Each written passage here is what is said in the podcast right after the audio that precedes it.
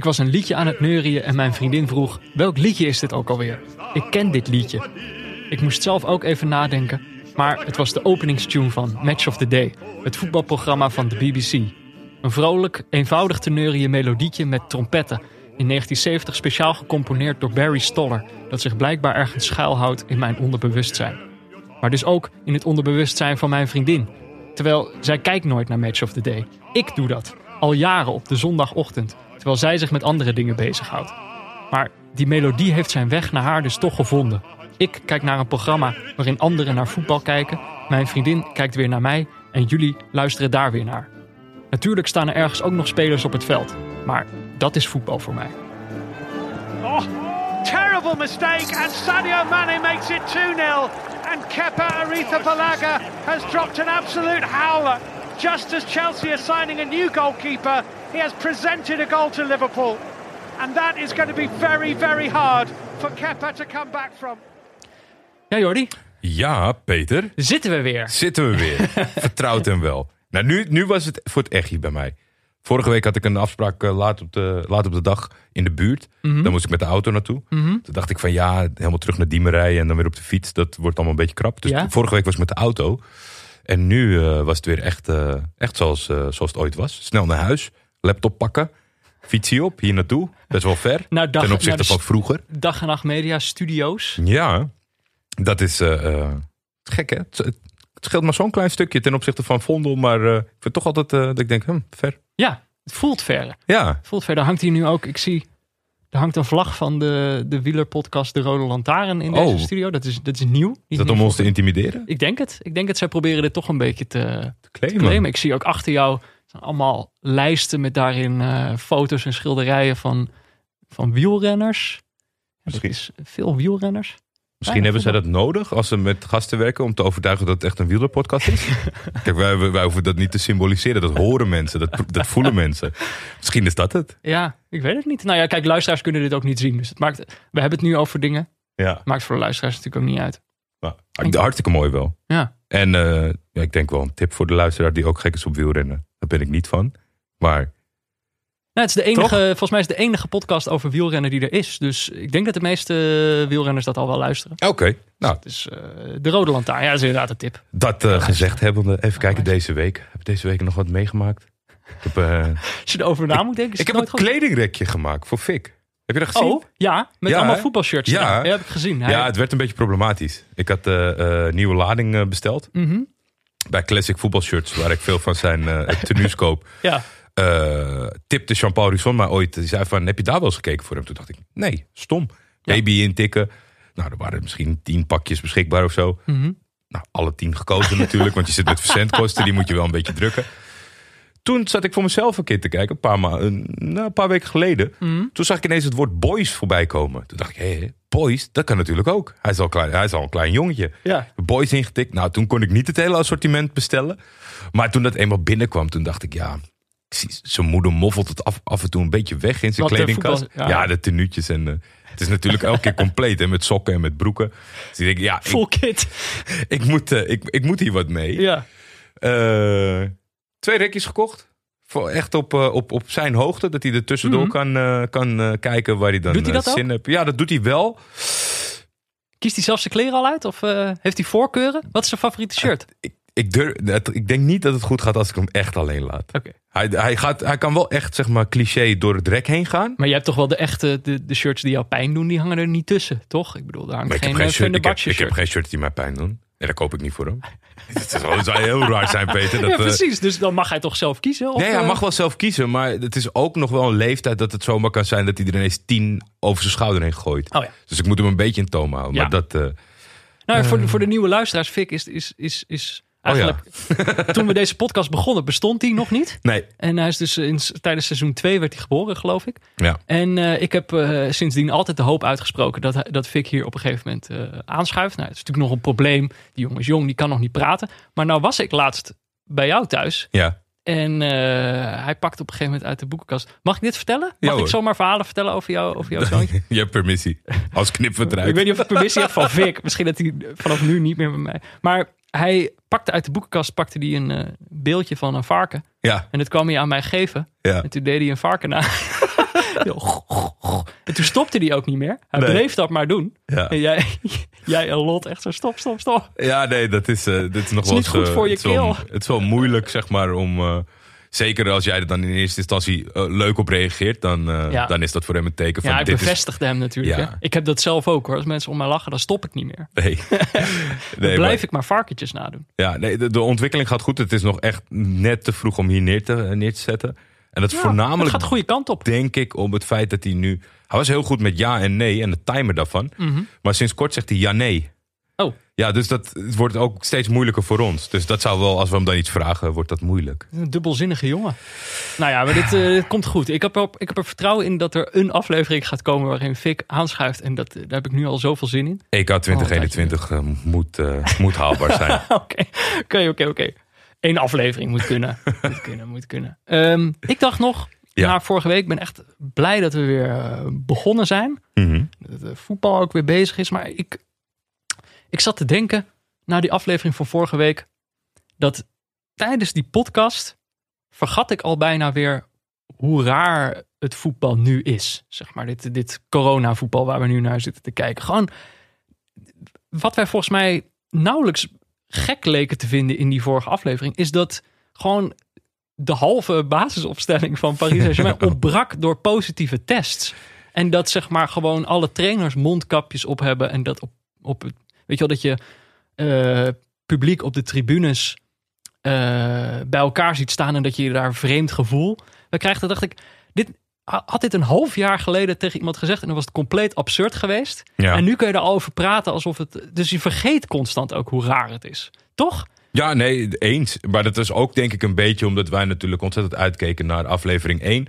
Er was ineens een heleboel voetbal. Er was ineens een, boel, een heleboel weer normaal. Mhm. TV-programma's, eh, meningen, knip- en plaksites. Alles, alles was weer op volle toeren. Ja. Dus dat is misschien best wel... draaien. Ja, best wel wat veel om dan nog uit te zoomen en te zeggen van... oh, dit is best wel gek. Maar Ja. ja, vooral dat feit, dat, dat gaat natuurlijk mega veel impact hebben, die positieve test. Ja.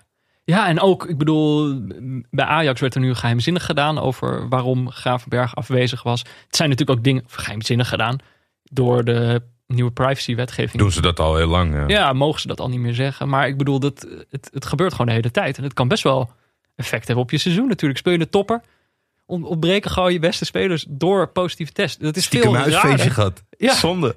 Naar Ibiza geweest met z'n allen. niet, zo, ja, niet zo slim. Toch niet zo slim. Nog, nu we het toch eventjes over die eh, wedstrijd van vorige week hebben. Mhm. Nog een update. Het was natuurlijk een... eh, het had nogal een nasleep. Met in de laatste minuut eh, vijf rode kaarten. Mhm. Ehm, en de nasleep was eigenlijk vooral dat Neymar zei... ja, ik sloeg hem alleen maar omdat hij iets racistisch tegen mij gezegd had. Op het moment dat wij die podcast opnamen... wisten we nog niet wat de Franse bond daarmee zou gaan doen. Of, eh, maar uiteindelijk is dus het onderzoek is begonnen. ja, De Franse tot bonds... op heden is, is er niks kunnen constateren. Nee, dit, dat is een probleem namelijk. Er zijn heel veel camerahoeken, maar er wordt gezegd... we hebben de camerahoek waarin je kan zien wat hij zegt. Die hebben we niet. Die is er niet. Maar ik heb toch, een, ik heb toch al in de live registratie hun tegen elkaar zien praten. Ja. En dat moet het moment geweest zijn van. Eh, dit is wat ik las. Maar het is sowieso... Kijk, het moment dat de beschuldiging van racisme komt... gaan mensen sowieso een beetje in een vreemde stuip. Want de Franse bondsvoorzitter... Noël Le Grat, heb je dat gezien? Ja, ik heb voorbij zien komen Dat die opmerking.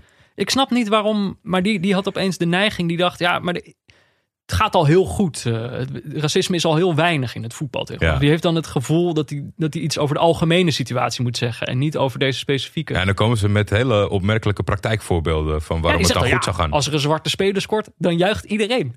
Ik, Ja, dat, dat zegt helemaal niks. Dat, ik bedoel, en het gaat ook niet over deze spe- specifieke situatie. Ik bedoel, je weet ook niet, het moet nog maar bewezen worden dat het zo is. Maar je moet niet het idee hebben dat dit soort dingen niet gebeuren op de voetbalvelden. Nee, totaal, Tuurlijk nee, totaal niet. Alleen hierop inhaken denk ik wel dat in het voetbal is er wel ook nog een soort gek soort racisme, vind ik altijd. Mhm. Is dat eh, eh, bijvoorbeeld als het naar zwarte spelers is, dan niet diegene die bij jou spelen, maar die van de tegenpartij. Dus dat zo'n uiting van een supportersgroep of, of, of een supporter Ja. gaat over, eh, eh, over zijn afkomst, Ja, maar ik denk ook, maar niet die van mij. het is ook vaak niet... Die van eh, ons is goed. Ja, Dat is zo'n rare, rare kronkel, vind ik dat. ja, maar er wordt denk ik ook niet super goed over nagedacht. Nee, nee, nou, heb, je, heb je wel een valide punt. Het zijn niet maar de vind- grootste denkers die dit doen. Nee, maar ik vind. En dan toch, stel dat ik dan. dan nou, heb je misschien niet helemaal op een rijtje, maar nog net genoeg wel dat je je seizoenkaartje kan kopen, Ja. blijft ademen. En dan moet dat, dat valt toch wel binnen dat simpele gedachtegoed van dat dat dan vreemd is. Maar ja, dat, Ja. Dat, dat krijg je er nooit. eh, Ja. Maar In. dat was de, de, de wedstrijd van vorige week. Dat was op dat, dat moment na eigenlijk een eh, fantastische eh, opener van het seizoen. Dus ik, heb er, ik had er heel veel zin in deze week. Ik heb ook, Jordi, ik heb me ook iets voorgenomen. Oh, Ik dacht, ehm, eh, ik word opiniemaker. Ik word de opiniemaker van deze podcast. Dus ik, ga, ga, ik dacht, meningen, ja, dat is misschien iets voor mij. mening is goed. Dat ik dan eh, meningen ga uiten in deze podcast. Volgens mij werkt het namelijk zo met opinie maken. Ja, Je moet gewoon heel veel meningen hebben. En die gooi je dan allemaal tegen de muur. ja. En dan gewoon kijken wat er blijft plakken. En daar ga je dan mee door. Dus ik dacht tijdens deze podcast misschien dat ik wat meer meningen eh, moet gaan proberen. Ik heb er een paar in mijn, in dit, mijn mouw zou, dit zou wel eens iets groots kunnen worden. Ik, het is natuurlijk nu in Nederland, is dat, dat bestaat niet echt nog. Meningen, nee. Ik- Zeker in het voetbal hoor je dat eigenlijk niet. Nee. Eh, er wordt natuurlijk ook niet zo heel veel over voetbal gepraat. Dus dat- Nee. Maar, ik, ik dacht, hoop eh, wel dat- moet ik het dan maar doen. Ik hoop wel dat, zeg maar, als het echt aanslaat, dat je dan niet eh, de podcast verlaat. Nee joh. Om Nee, ik moet, op die, moet die tv mening ook of nog in de krant. Om het daar allemaal te gaan Nee, uiten. Want die gasten hebben natuurlijk plek zat voor mening. Nee. Maar ik heb, ik heb nog wat meningen in mijn, in mijn mouw. Ik ben heel benieuwd. Ik heb, een, de, ik heb er een aantal. Ik heb, probeer eens wat te spreiden over de. Ga je, ga je wel vertellen dat dit dan een mening is? Ja, op dan dat zeg ik nu komt er een mening. Oké. Zeg ik dan. Top. Oké, ehm, even kijken. Verder, we hebben natuurlijk eh, luisteraars opgeroepen om ook eh, ons weer te mailen. Ja. neutralekijkers.gmail.com met hun zorgen of wat, wat, wat dan ook op hun hart ligt. Nou, ja, dat was- ze altijd trouw. Perfect getimed van ons, die eerste uitzending. Want ik had een paar mailtjes die net voor de uitzending waren gestuurd. God, wat, wat zitten jullie nou? Oh, sorry, laat maar. Ik zit al... eh, Nee, het was echt, het was echt, echt zeer sterk Halverwege getimed. een boze mail eh, Ja. van, van gedachten veranderen. Zie ik daar ineens. Ja, Eh, ja, even kijken. We hadden een le- leuk mailtje van eh Loek van der Mast. ja zeker. Die, eh, die, die mailde onder andere dat hij seizoen 2 aan het luisteren was. Ja. En dat is dus het seizoen dat wij maakten in 2018. Even kijken, wat, dat- ik, ik was al meteen getriggerd. Het onderwerp van de mail was, ik weet hier geen titel voor. ik denk, nou, nu, ga, Nu komt het. Nu komt het. Ik heb er geen woorden voor. Dan een lege eh, mail. het was een behoorlijke, eh, behoorlijke mail. Ja, met maar- eh, leuke opmerkingen en een aantal vragen voor ons. Ja, maar ik vond eigenlijk dus eh, allereerst dat hij zei dat hij dus eerst seizoen 2 zat terug te luisteren. Dat vond ik zo'n heerlijk eh, gedachte. En toen dacht ik opeens, kijk, wij hebben ons vaker hardop afgevraagd in deze podcast. Waarom zou je, waarom zou je afleveringen luisteren over een wedstrijd in, in Estland van twee jaar geleden? Maar er zijn dus mensen die dat doen. Ja. Ehm, maar dat is ook een heerlijk idee. Dat er misschien zitten mensen in 2022 dit wel terug te luisteren. Ja. En, dus, en ik hoop dan, mensen uit 2022, als jullie dit horen, ik hoop dat het heel goed eh, met jullie gaat. Dat jullie in een andere wereld leven dan wij. ja, Toch? Dat het eh, zonder maatregelen. weer eens terug het oude normaal of zo. Dit zou zomaar kunnen. Zo lang hoeft het toch ook weer niet te duren, zou je zeggen. Laten we hopen van niet. Nee. Dan nog een paar tirannen wereldwijd eh, Maar- die de macht verliezen. Misschien dat we over twee jaar dan een mailtje krijgen waarin iemand zegt, het is veel erger. Maar ja, goed, dat, we- dat weten we tegen die tijd zelf ook wel. Ja. Laten we hopen dat het, dat het heel goed gaat dan. En dat ze wat is dit voor depressief seizoen? Ja. En eh, ja, een raar seizoen was dat eigenlijk. Maar dat is het goed. Dan hebben we dus wel de, de, de, de gekte van het seizoen kunnen vangen. Als Ja. het een raar seizoen is. Eh, maar hij had nog inderdaad nog wat vragen. Eh jazeker. Eh, eentje was er. eh, kan ik nog steeds laten weten dat ik via neutrale kijkers kom als ik een VI-abonnement afsluit? Absoluut. Zeker. Ik zou dat doen. wel gewoon rechtstreeks bij Pieter doen. niet, niet zeg maar in het balkje van hoe komt u hier via de krant, via de televisie. Ja, via maar de dan podcast optie D. Maar gewoon het, het Zwart Pieter NL of zoek gewoon Pieter Zwart. Pieter Zwart NL op Twitter. Ja, en dan niet die van Coolblue, maar die van ons. Die andere van VI. Ja. Als je een abonnement op VI neemt, moet je die hebben. Ik denk, je kan een volgens mij kan je best wel zijn e-mailadres achterhalen. Geef je gewoon een mailtje. Zeg, hoi, ik ga een abonnement afsluiten. Ik eh, luister graag naar trouwe kijkers. Misschien krijg je dan wel een persoonlijke korting van hem. Ja. Weet ik niet. Weet ik eigenlijk niet. Maar het kan nog steeds. Eh, even kijken. Nou, wij hadden een, een, een, een foutje gemaakt in de uitzending. Omdat Ja, wij ik. vroeg hadden gekeken naar het pro- speelprogramma. Maar eh, kijk, er zaten een heleboel mensen zaten suf om vier uur op zaterdag voor een televisie. Nou, wat is het nou? Ja, dat Maar is vrienden van de show, Ja, Daar had je het al voor gecorrigeerd. Ja, ik had voor vrienden van de show had ik een update gegeven dat, eh, dat ik het inderdaad fout had. Ik had een soort. De wedstrijd was uiteindelijk verplaatst. Dus die was niet op zaterdag vier uur, maar op zondag half vijf, Ja. half zes. Eh, moet ik het wel goed zeggen, anders dan raken ze in het met terugwerkende kracht eh, in de. Nee, maar dit is een reminder voor allemaal mensen. Kijk, we worden al een tijdje niet meer gerectificeerd. En dan denken wij dat we geen fouten meer maken. Ja. Maar ja, eh, dit is wel een reminder voor mensen dat eigenlijk alles wat ik zeg, kan je beter dubbel checken. Want zeker nu ik opiniemaker ben, ik weet niet of het allemaal klopt wat ik Nee. zeg. Toch? Lijkt me ook niet echt van belang toch Nee. dat het klopt. Een mening. ja, het is een mening wanneer die wedstrijd is. Tot slot wilde Luke nog weten of de minuut van Pieter terugkomt. Nou, daar, hebben we, eh, zullen we, Oeh. daar, daar spreken we ons nog niet over uit. Maar later deze aflevering hebben we een Meer. leuk nieuwtje voor, eh, voor, Voor Luke. Luke. En ehm, ik kreeg nog een ander mailtje. Ja. Eh, nee, het was geen mailtje. Het Tweetje. was een tweetje van Arjan Haan.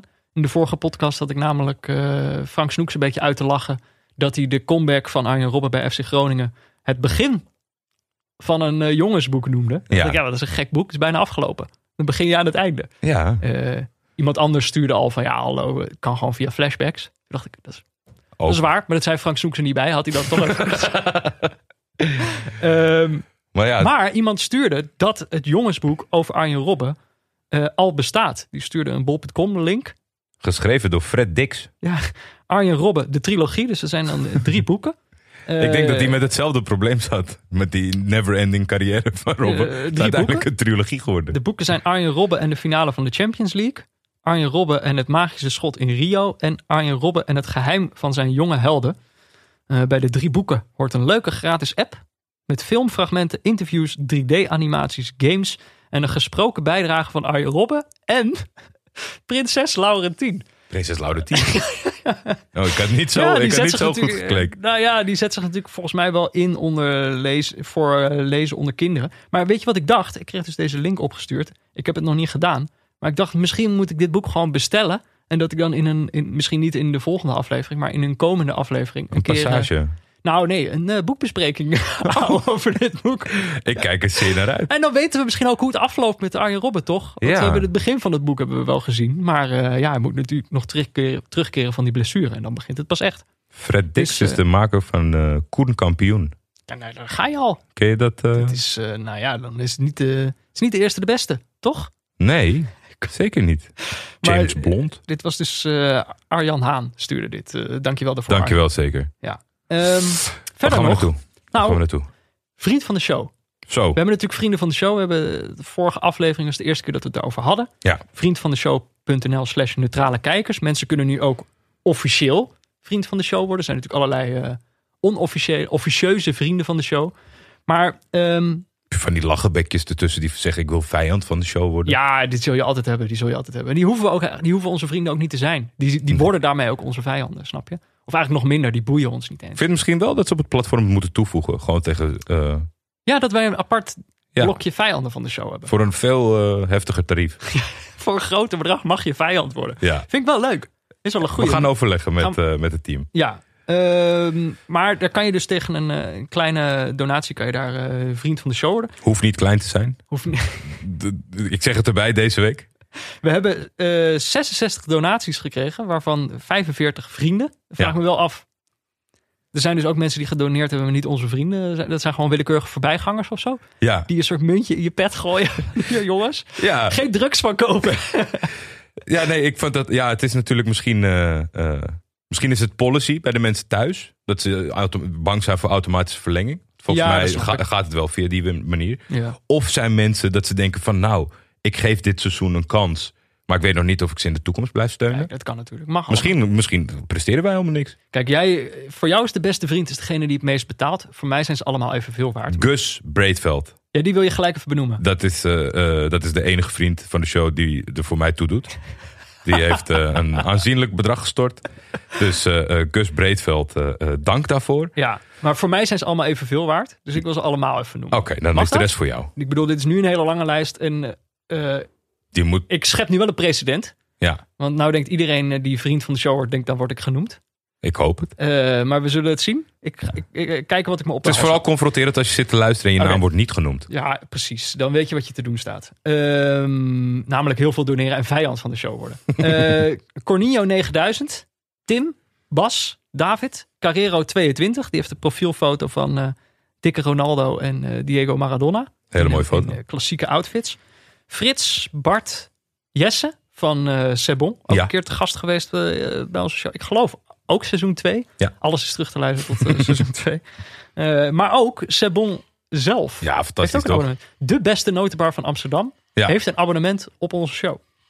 Het gaat nog steeds hartstikke goed met ze. Mensen vroegen daarnaar. Ja, de noten zijn nog steeds top. Ja, daarom. weer een paar gegeten. Moet gewoon even in, eh, in partij van drie of vier naar binnen. Ja. Maar het is eh, eh, nog steeds noten hetzelfde zijn nog niveau goed. noten. Ja, absoluut. Notenniveau is nog top. John, die heeft een eh, profielfoto met een eh, heerlijk bord pasta. Thijs Bergsma, Sam Tijmen, Peter Haaksman. Een willekeurige Bart Vriends. Dus dat is niet eh, Bart Vriends, de verdediger van Sparta. Nee. Maar een willekeurige eh, Bart Vriends. Thomas Dijkman, Thomas, Enzo. Die heeft als profielfoto het logo van Colo Colo. Eh, Thomas Dijkman is een vriend van mij. Nou, Enige vriend die dit heeft ge... vriend van jou, vriend van ons. Ja, Ja, dat zijn nee, onze vrienden. Maar ook privé. Oké. Thijs, Berend-Jan Bokting. is ook een luisteraar van het eerste uur, geloof ik. Ja. Max, Repeater. Dat is, ja, die heeft dat als, als, als, als een naam. En die heeft als profielfoto, heeft hij zeg maar onze hoofden. Van het logo van Neutrale Kijkers. Dus wat je in je podcast app ziet. Die heeft hij samengevoegd. Een fusie. Een fusie. Dus je ziet eigenlijk, je ziet jouw hoofd met een rode baard. En mijn kapsel. En een zonnebrilletje heeft hij erop geplakt. Maar die, die is van, van geen van beide. Nee, Heeft hij zelf gedaan. die is ook niet goed op schaal. Nee, die is een heel klein zonnebrilletje. Eh repeater was dat. Jeffrey van der Vlier, Alex, Hidde, Sietse, Mala, Guido. Uh, Gus Breedveld heb je al genoemd. Pim, Forrest Imps, niet zijn echte naam denk ik. Ronnie Theeuwis, Stijn, Paul, Roderick. Willem Dudok Oh. van de Rode Lantaarn is ook onze vriend. Dat is onze vriend. Kijk, Tim en eh, Jonne, dat weet ik nog niet. Maar Willem is in ieder geval een vriend van ons. Zonde, want dan kan je bij uh, Anak uh, toch uh, bijna een, een speler verkopen. Had hij niet hoeven doen. Het wordt echt gewaardeerd. De Hunter, Bruce, John Relau, Ron van Swol, Job, Jules. Die heeft als profielfoto jou. Gewoon een foto van jou. Dat zal die vervelende Jules van Eurosport zijn. Ja, Oscar Jebrobe. Ik weet het niet, zo schrijft hij dat. Martijn, Niels, Rick Lindeman, Jack Stoeverts. Pieter Zwart. Ik weet niet wie dat is. Heeft geen profielfoto. Huub, Jurre, Maarten VH, Dylan, Thijs, Johan, Koen, J.W. Traas, Janine, Bastiaan, Jelmer de Boer, Dirk Werk, B. Mossel, Rick Nietrouw, Lucas en Koen. Dat zijn al, al onze vrienden, Jordi. Eén vrouwennaam gehoord. Janine, ja, Mala misschien. Ja, dat zou kunnen. Eén vriendin van de show. Ja, nee, ik of ben... hoef je, ik, dat hoef je niet te genderen. Dat, hè? dat kan gewoon, iedereen is een vriend. Dat is, dat is zeker waar. Maar het, het viel op bij het benoemen van de namen. Ja. Het is meer, uh, ja... Het is heel moeilijk, hè? Een soort van mega dankbaar en ontzettend geschrokken tegelijk. Uh, meer, omdat uh, er was wat anders deze week. Wie is de Mol heeft een podcast. Uh -huh. Maar tegenwoordig, iTunes stelt niet meer mee. iTunes bestaat niet. Nee. Apple wordt weggelachen op, Ja. in podcastland. Het is uh, vooral Spotify. Ja. En die houden dus dagelijks bij uh, wie trending is. Oké. Heb je dat meegekregen? Nee. Wij zijn vanaf de release dag tot en met vandaag Mhm. in een bittere strijd verwikkeld. Voornamelijk uh, met... uh, Oh, met, Spotify met- houdt bij wie trending is. Ja. Welke podcast trending En die is. wordt elke dag geüpdate. En dat is, eh, eh, daar stonden wij in. En Oh. eerst was dat, eh, het was heel mooi gebroederlijk met, eh, met vrienden van de show Sam Verhaalte. Mhm. Met zijn Vice po- podcast, die stond daarin. En eh, Convo van Armin. Mhm. Eh, en ik, ik, had nog nooit die, ik had nog nooit van die lijst gehoord. Maar ik zag dat screenshot voorbij komen. Dat zij aan het bezig waren, want ze wilden een nummer 1. Mhm. Dus ik dacht, nou oké, dat ga ik ook een beetje in de gaten houden. Maar ik zag wel dat zij een beetje op social media van eh, breng ons naar één, breng ons naar één. Ik denk, nou ja, daar kunnen we niet aan mee wedijveren. Dat doe je nu wel. Maar En, en die verdomde Wie is de Mol Oh. podcast in, op, op nummer 1. Maar ik dacht elke week, die uitzending van hun is eerder geweest. Dus het gat werd groter van hoeveel mensen blijven er luisteren, zeg maar. Dus ik dacht, ja, dus ik heel de arm in. Ik zeg, morgen, Mhm. Jij wil boven Wie is de Mol? Morgen pak ik je, morgen pak ik je, morgen pak je. Uiteindelijk hebben we dus gezamenlijk Wie is de Mol verslagen. maar zijn we wel tweede geworden. Dat is doodziek kom van. kom op. Ik wil bovenaan die lijst. Dat is het enige dat telt. Ja, Ehm, verder hadden we nog een paar dingen. We moeten nog even kijken of we een, eh, een chatroom gaan doen. En eigenlijk vooral eigenlijk waar we dat gaan doen. Want ik kreeg ook een mailtje van iemand die zei... Of nee, het was volgens mij een bericht op Vriend van de Show zelf. ja. Ehm, die zei, je kan ook een Telegram kanaal doen. Want dat doet bijvoorbeeld een podcast over media. En dat schijnt best wel eh, te werken. En die kunnen het weten. En Telegram is misschien ook wat makkelijker dan Discord. Heb je dat gevoel ook niet? Nou, weet ik niet. Ja, misschien dat meer mensen nu alvast eh, Telegram hebben. Ja. Dat Nou ze ja, het niet echt specifiek Oké, maar dat ga, als we dat regelen, dan kun je dat allemaal volgen via Vriend van de Show. Ehm, en verder, ik heb één functie nog niet benoemd. Wat je namelijk kan, als je Mhm. dat bent, is je kan spraakberichten naar ons sturen via vriendvandeshow.nl. En ik weet nog niet precies hoe het werkt. Maar ik denk, een van onze vrienden moet dat gewoon proberen. Volgens Ja. mij kan je gewoon iets inspreken en dan krijgen wij dat in onze inbox.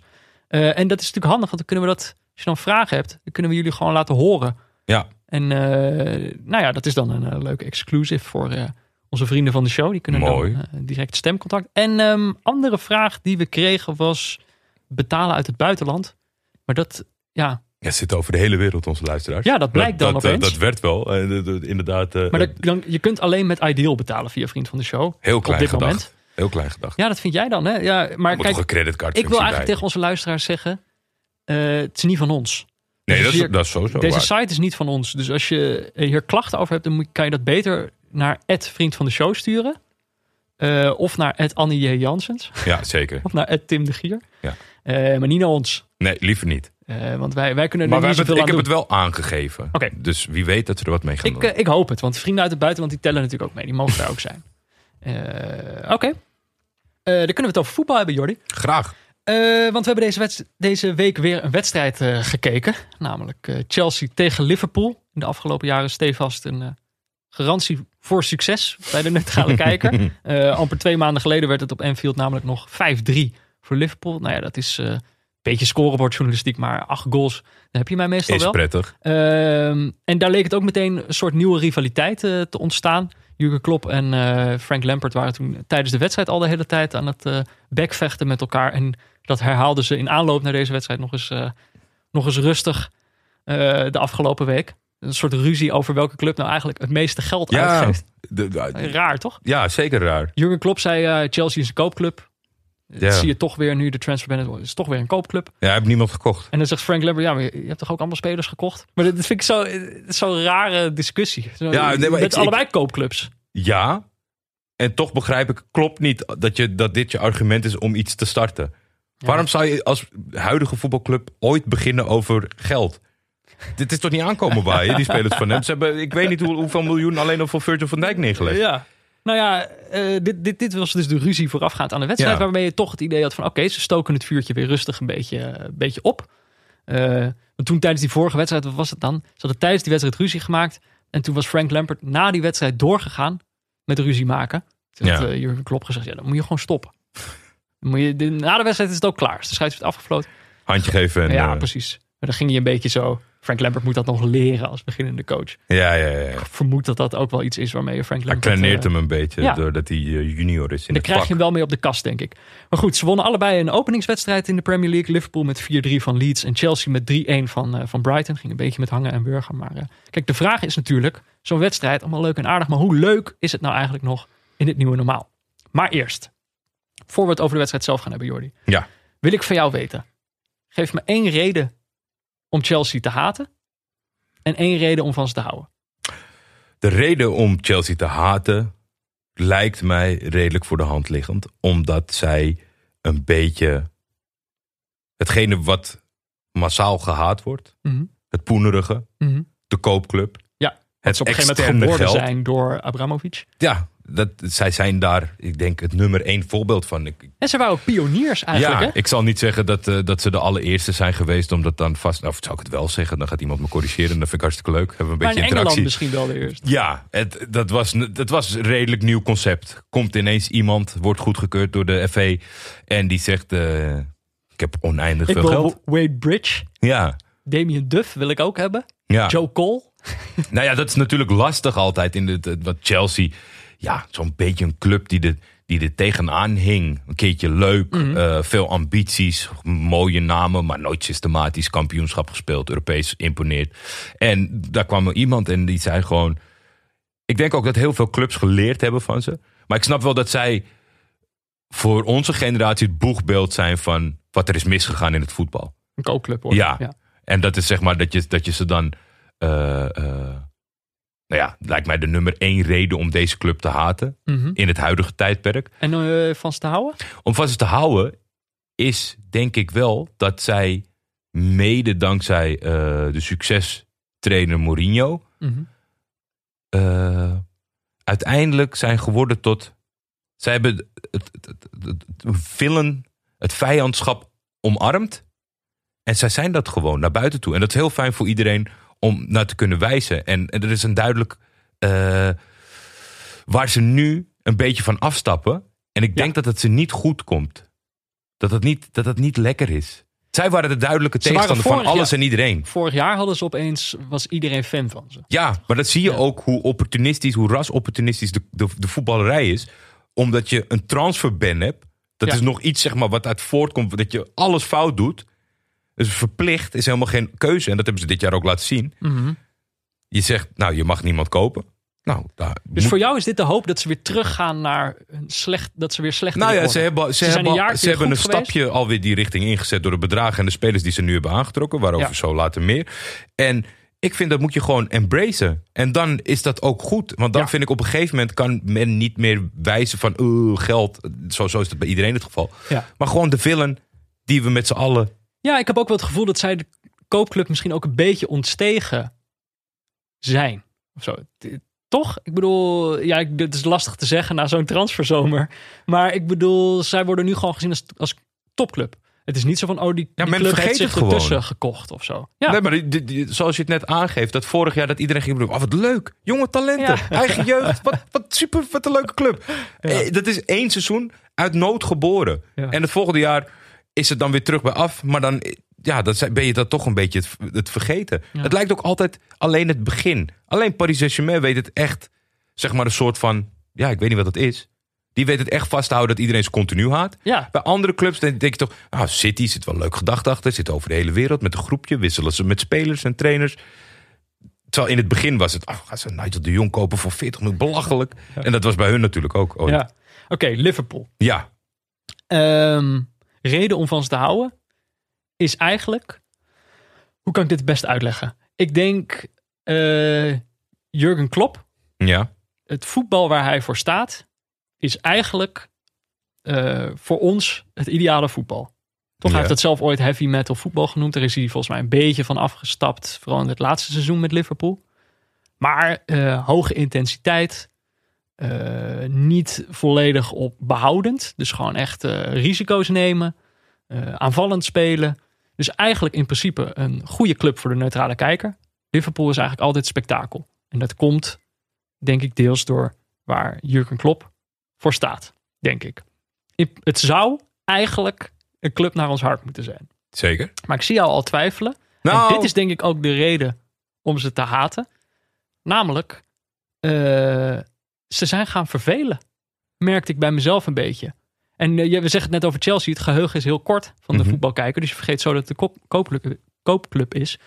Maar de tijd gaat ook zo snel dat, dat na twee seizoenen met Firmino, Salah en, eh en Mané voorin. Dat je denkt, ja, dit weet ik nou wel, weet je wel. Wanneer gaan jullie het eens een keertje anders eh, aanpakken? Ja. Nou, ken ik het wel. En het is gewoon natuurlijk een fantastische formule met spelers die geweldig op elkaar ingespeeld zijn. Allemaal ook, eh, bereidwillig. ja, en allemaal leiders. Er zitten weinig gekken tussen. Eh, maar dat is natuurlijk ook een beetje voor de neutrale kijker. Is dat wel een Achilleshiel? Want ik, ik zet het aan en denk, ja, dit heb ik al tien keer gezien. Ja. Al honderd keer misschien wel. Dit Liverpool. Dus ja, ik weet niet. Ik denk dat is een reden om ze te haten. En dat is misschien gaat dit, dit seizoen wel dat seizoen worden waarin iedereen zegt, ja, nou weten we het wel. Ze zijn eindelijk een keer kampioen geworden. Dat gunde ik ze wel. Nou is het mooi geweest. Ik weet dat een heleboel mensen dat, dat hebben met het gedweep van, de, van het clublied. Ik weet dat men- de mensen die, die Liverpool haten online, die kunnen dat gewoon niet uitstaan. Als Nou die, ja, als die alleen al de toon horen, dan, dan, dan zetten ze de tv uit. bijna. Ja, maar dan ben je al niet meer neutraal. Nee, nee, nee, nee. Ja, nee. Dus en ik probeer toch als neutrale kijker een reden te verzinnen om, om ze te haten. En dan is het denk ik de voorspelbaarheid. Eh, voorspelbaarheid en de ongenaakbaarheid is gewoon niet zo leuk meer. Maar dat is zo grappig. De twee seizoenen heeft het geduurd. En dan ben ik het blijkbaar al zat. Ja. Zo snel dat gaat het dat mij. maakt het heel, heel moeilijk. Want aan de andere kant in jouw verhaal is natuurlijk makkelijk toe te passen. Dat Klop voor iets staat. Wat elke trainer probeert te verkopen als hij ergens bij een club begint. Maar het nooit kan realiseren. En hij Hmm. wel gerealiseerd heeft daar. Wat je bedoelt, zowel een, een people's manager als een... eh, Ja, maar ook, kijk, die- als je de nieuwe trainer van bijvoorbeeld van Heracles, die komt bij zijn eerste gesprek en die zegt hoge intensiteit, Oh, druk ja. zetten, aanvallend voetbal. Ja. Maar ja, dan, het ging ook niet meteen goed bij hem. Hè? Dus ik vind ook wel. Op een of andere manier heeft hij toch. eh, ik geloof wel dat hij iemand is die naar de buitenwereld anders is dan, dan, dan eh, face-to-face, zeg maar. Ik bedoel, het, kan haast niet anders. Misschien moeten wij daar later het zijpaden over behandelen. Want het is natuurlijk hele goede uh, gesprekstof over... Ik denk dat het allermoeilijkste voor een trainer is om jezelf uit te blijven vinden in dat wereldje. Ja. Je hebt met voetbal heel veel te maken. Dat, dat komt ook zeg maar, in deze wedstrijd terug. Copycats. Hm. Mensen die zich helemaal gaan instellen op hoe jij speelt omdat je beter bent. En dan kom je op, op den duur. Kom je altijd in, in cyclussen bij voetbal kom je zeg maar tegen blokkades. Ja. Dat ploegen elkaar niet meer kunnen doorbreken. En... Maar dit, dit is denk ik. ehm, Liverpool speelde ooit. En dat is denk ik eerder dat seizoen waarin ze dus niet kampioen werden. Speelden ze eigenlijk ook net niet verstandig genoeg. Dus ze zijn uiteindelijk eh, vorig seizoen zijn ze verstandiger gaan spelen. Eh, iets beter verdedigen. Kregen ze opeens ook bijna geen goals meer tegen. Ja. Daar zijn ze mij denk ik een beetje verloren. Ik hou ervan als een ploeg gewoon meer aanvalt dan goed voor ze is. Ja. Weet je, dat je denkt, ja, het is geweldig om naar te kijken, maar het is wel dom. Zo word je niet kampioen. Ik denk dat, Dat je heel veel kwijt. plezier gaat beleven aan Leeds eh, United dit Ja. seizoen. Ja, Marcelo Bielsa, ja, dat gaan we ook nog een keer kijken. Maar we moeten even kijken, want ehm, Ja, er zijn wat dingen veranderd bij allebei deze clubs ten opzichte van vorig seizoen. Eh, bij eh, Chelsea meer dan bij Liverpool. ja. Chelsea heeft natuurlijk best wel wat, heeft toch een koopzomer gehad. Ziyech, Werner, oh Ziyech, sorry. Ziyech, Werner, Havertz, Chilwell en Thiago Silva. En eigenlijk alleen Willian en Pedro zijn weg. Dan gaat eventueel eh Rudiger nog weg, hoorde ik tijdens deze wedstrijd. in de ja, er zijn heel veel eh, centrale verdedigers. En, eh, nu nog een goeie. en Liverpool heeft zich afgelopen weekend, eigenlijk vlak voor deze wedstrijd, versterkt met Thiago en Diogo Jota. En, eh en Tsimikas. Denk, ik, ieder. denk ik toch ook weer, Jurgen Klopp, hoe verzin je het? Dat je, dat je tegen Chelsea gaat lopen zeiken. In het weekend dat je tegen ze Ja. speelt, koop je Thiago Alcantara en, en Diego Jota. Allebei volgens mij voor een pak geld. Ja, voor een hele hoop geld. Tsimikas, oud Willem II, linksback. En eh, er zijn bij hun ook wat oude spelers vertrokken. Lovren, Lalana en eh, Klein. Lovren, be- beste centrale verdediger ter wereld. Zelf benoemd. Hij maar, zelf. eh, Heeft hij al een nieuwe club eigenlijk? Ja, ja hij zit in, in Rusland. Hij kreeg Ah. een heel mooi mini, mini bekertje van de, eh, met, eh, met een brief erbij handgeschreven van Jordan Henderson. Om hem te bedanken voor... eh, Ja. ik, Ehm, ik vermoedde, gezien het verleden van Lovren... Eigenlijk zat ik het te lezen en dacht ik, dit heb jij misschien wel gewoon zelf geschreven. jij had de band niet nodig om de leider van dit team te zijn en dat soort dingen. Nee, Lovren, andere keer. En dan alleen nog moeten we even de corona-checklist. Yes. Dus we, vorige week keken we naar Frankrijk. Daar mochten wel mensen op de tribune. In de Premier League doen ze dat nog niet. Nee. Vorige week eh, ontbraken er allemaal spelers door positieve tests. Dat leek deze wedstrijd ook niet het geval. Maar je weet het nooit zeker. Misschien, misschien is het gewoon een bankspeler die, eh, Ja, waarvan je het niet merkt. dat waarvan het niet zo erg was. Oh, Moeten we dit vertellen? Ja. Dat weet niemand. Ehm, Oké, de wedstrijd zelf. Moeten we even kijken. Ik denk dat we die het beste kunnen bespreken door hem op te delen in eh, twee helften. Ja, de eerste helft en de tweede die mag ik zeker. Nee, maar eh, want het zijn gewoon twee verschillende spelbeelden. En dat komt door iets wat er vlak voor rust gebeurt. Maar laten we het eerst even hebben over wat er in de eerste helft gebeurde. Namelijk, jij zei op een gegeven moment tegen mij: eh, deze ploegen zijn eigenlijk te goed. Ja. En dat was, dat, was, eh, dat was gedurende een, een, een passage. Met ook waar ik net een beetje over had. Dat, dat, dat hoge kwaliteit teams elkaar op een gegeven moment doorhebben. Te lang hetzelfde doen. Mhm. En eh, ondanks dat ze allebei een andere spel aanpak hadden. Was het toch wel echt uitschakelen van, van de beweging zeg maar, bij elkaar. En dat leidt dan met hele fitte, hele goede spelers op een gegeven moment. Dat je niet. Er is geen vrijheid. Dus eh, het voetbal gaat natuurlijk met, eh, met de half spaces en de dingetjes. Het gaat allemaal om ruimte te vinden. Ja. Jij moet zorgen dat de tegenstander een fout maakt of een foute instap maakt of, of even doordekt en wegdraait, zodat er ruimte ontstaat. Maar er waren echt periodes waarin er geen ruimte was. Wij gewoon echt hopeloos, nou ja, bijna in een, in een, in een kommetje af en toe. Want natuurlijk het topvoetbal eh, eh, eh, rendeert bij waarom we als land helemaal gek zijn op Frenkie de Jong op basis vooruit. Ja.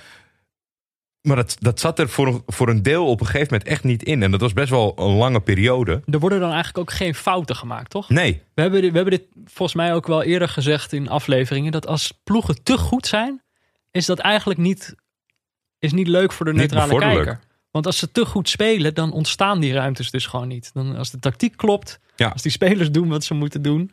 Wat dus eigenlijk bij allebei deze ploegen eh, het geval was. Gebeurde niet zo gek veel. Een paar eh, momenten dat Werner, die gelijk in de...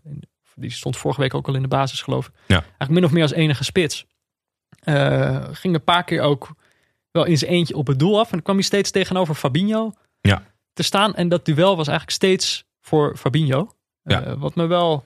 Werner is natuurlijk eh, razendsnel. Maar dat viel in deze wedstrijd niet per se op. En dan moest het toch wel afleggen. Een paar schotjes, maar niet echt heel gevaarlijk. Ja, ik denk dan ook als je, als je in de kleedkamer zit, dat je toch wel een beetje baalt. Omdat je weet dat de tegenstander die de hele tijd eh, tegenhoudt, Ja. eigenlijk niet eens verdediger is. En aan de kant van Liverpool, wat mij eigenlijk vooral opviel tijdens die saaie helft, is eh, hoe fris ze eruit zien. Niet Ja. per se qua hoe ze spelen. Maar Salah is naar de kapper geweest. Ja. Die heeft een kort kapsel. Keurig, eh, keurige strakke koep. Maar Nee. de- toen jij het zei, want eh, Salah was natuurlijk meest opvallend. Omdat hij een goede corona-bos krullen had. Ja. Eh, dus die zag, daar zag je echt van, die, is, die is net gefresht. Wat ik eigenlijk had tot vorige week. Ja, dat weten inderdaad. luisteraars niet, maar ik ben naar de kapper geweest. Ik Ja. zie er eigenlijk ook zo fris uit nu. Je bent de Salah van de podcast. hè? dat, dat mogen duidelijk zijn. Maar ik vond dat al in het, in het, in het geheel wel. Alleen, ik was niet zo te spreken over het tenue. Het valt wel op. Het is gekke dat groen. Of nee, rood met, met zo'n groen kraagje. Ja, de kraagje en, die- en die hele dikke witte streep aan de zijkant. Ja. Die zorgde wel, het paste bij de frisse look van de koppies. Maar ik weet niet, Nike bij Liverpool, het, het, het- Klopt niet. nee, het klopte niet Ja, voor jij mij. bent de shirtsman, dat horen, horen de mensen Ja. wel weer. Ik heb nog een mening. Oh, Ik heb een mening. Komt ie. Eh, naar aanleiding van, eigenlijk van Chelsea. Wat mijn idee was toen ik hier naar zat te kijken. eh, en dan speelden nog niet eens al hun aankopen. Dus alleen Werner en Havertz eh, werden opgesteld. Als ik het goed heb. Ja, dat zal wel. Anders dan... eh, ik hoef niet te checken, een mening. Eh, ehm, ik denk, naar aanleiding van Chelsea, denk ik, eh, is mijn mening dat aankopen als club spelers kopen is overschat. zo. Dus naar aanleiding van dit, eh, of na, in, in aanloop naar dit seizoen dat Chelsea al die aankopen deed, is de verwachting, nu gaan ze de top moeilijk maken. Nu zijn ze dichter bij City en Liverpool gekomen. Dat is dan de gedachte. Maar wat mij dan opvalt tijdens zo'n wedstrijd is Havertz, die ik vorig seizoen een paar keer heb bekeken, omdat ik natuurlijk ook, eh, de- voordat ik opiniemaker was, was ik Daily Sinkgraven watcher. Eh, en toen was Havertz was gewoon fenomenaal. Ja. Dat was aan het einde van het eh, Bundesliga seizoen echt geweldig. Die scoorde er ook op los. Dat is geen schim van wie die was. Het is natuurlijk ook begrijpelijk. Je staat in een nieuw team en zo. Maar kijk, je koopt zo'n geweldige speler. Maar uiteindelijk in de eerste weken, zeker in zo'n gek seizoen met nauwelijks voorbereiding. Dan duurt het gewoon even tot die gewend zijn. En dan denk ik, had gewoon eh, Mason Mount en Tammy Abraham, eh, Abraham opgesteld. Die gasten die, eh, die hebben het vorig seizoen, ja, ik bedoel ook niet tot het einde toe. Mhm. Maar die kennen elkaar al veel beter. Die hebben allerlei automatismes die die nieuwe spelers nog niet hebben. Denk ik, je maakt jezelf soms door aankopen te doen. Zeker in dit seizoen. Maak je het je eigenlijk moeilijker. Is dit dan corona, is dit corona-mening of is dit een all-round mening? Nee, ik denk dat we dit allemaal moeten zien als corona-meningen. Oké. Dus als dit voorbij is, stelt het misschien ook niet meer. Nee, nee, maar nee. ik denk dat dit, dit zal daarbuiten misschien ook wel kloppen. In deze situatie wordt het extra duidelijk. Maar dat eh, nieuwe spelers halen wordt vaak gezien als de manier om je als club te ontwikkelen. Mhm. Terwijl je hebt vorig jaar bij Chelsea gezien. Het, er zit ook een waarde in om eh, jongens te nemen die elkaar al kennen. Eh, die je zelf ook kent. die misschien ook niet de torenhoge verwachtingen hebben die je krijgt op het moment dat je voor, voor 50, 60 miljoen komt. Denk ik, het, het is een beetje overschat. Je doet een hoog, grote aankoop en iedereen denkt nu gaat het gebeuren. Ja, Maar ja, je, heeft mensen. ook nadelen. Ja, oh, vertel mij wat. het zijn toch mensen, ja. Maar dat is mijn mening. En eh, ik ben benieuwd eh, wat mensen er, ervan vinden. Misschien zijn het er wel mee oneens. Misschien wil Pieter Zwart het checken. Dat kan natuurlijk ook. Maar ik denk, eh, meningen zijn overschat. Dan komen we aan. Of nee, aankopen zijn overschat. Aankopen, meningen- meningen totaal niet. Meningen niet. Meningen onderschat. draait de wereld over. Meningen zijn onderschat. Dan komt er het grote moment. Ja, de ommekeer. Ja, vlak voor rust. Eh, grote kans voor Chelsea. Eigenlijk eh, een van, de, een van de weinige grote kansen voor Chelsea. Alisson. Volledig karakteristiek. eh, snelle spelervatting. Rolt Goeie de bal aankoop. uit op goede aankoop. Ja, was ook niet goedkoop. Rolt uit naar Henderson. Die hem meteen diep geeft op Mané. En die is natuurlijk veel sneller dan Christensen. Tegen wie hij op dat moment stond. En Christensen weet dat ook. Kepa komt uit, maar is denk ik ook te laat. En Christensen trekt dan eh, aan de noodrem. aan de noodrem. Ja, die gaat gewoon oh, aan Mané hangen. Die gaat neer. Scheids geeft dan eerst nog geel.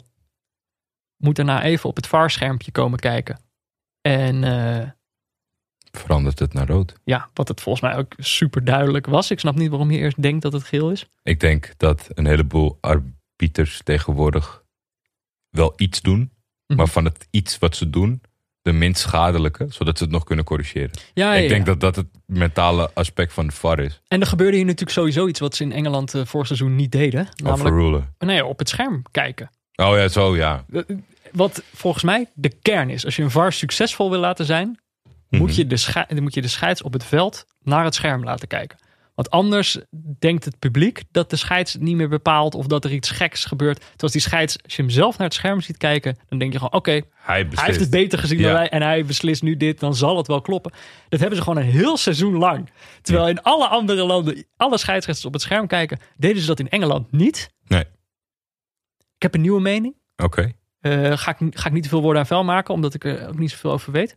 Maar eh, Engeland heeft gewoon slechte scheidsrechters. Ze, zijn, ze geven heel hoog op over hun eigen competitie. Die scheidsrechters zijn ver beneden het niveau. Het is niet eh, Danny Desmond Makkely. Dat niveau komen ze niet aan. Ik durf daar nog wel een, eh, aan toe te voegen dat de top 5 competities. Nee.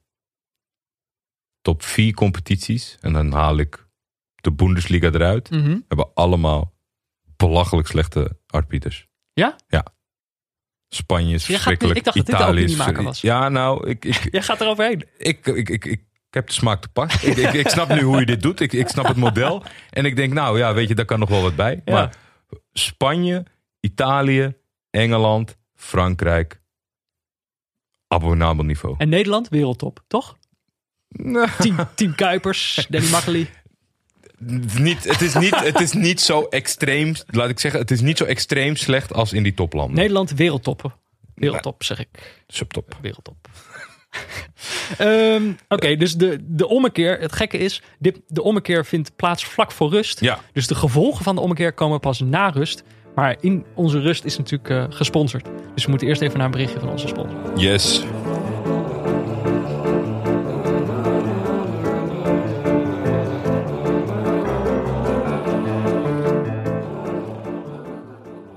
Ook deze aflevering van Neutrale Kijkers wordt natuurlijk weer mede mogelijk gemaakt door Auto.nl. Ik eh, citeer van de website eh, www.auto.nl. Citeer ik eh, nooit meer een miskoop. En dat kunnen voetbalclubs niet zeggen. De transfermarkt is ook langer open dan normaal. Meer Ja. tijd om miskopen te doen. Jordi, zijn er deze week nog wat, wat miskopen gedaan? Er zijn wel wat, wat, wat leuke transfers waar we het over kunnen hebben. Ik hoop dat het niet zo is, maar de tien vorige dienstverbanden suggereren iets anders.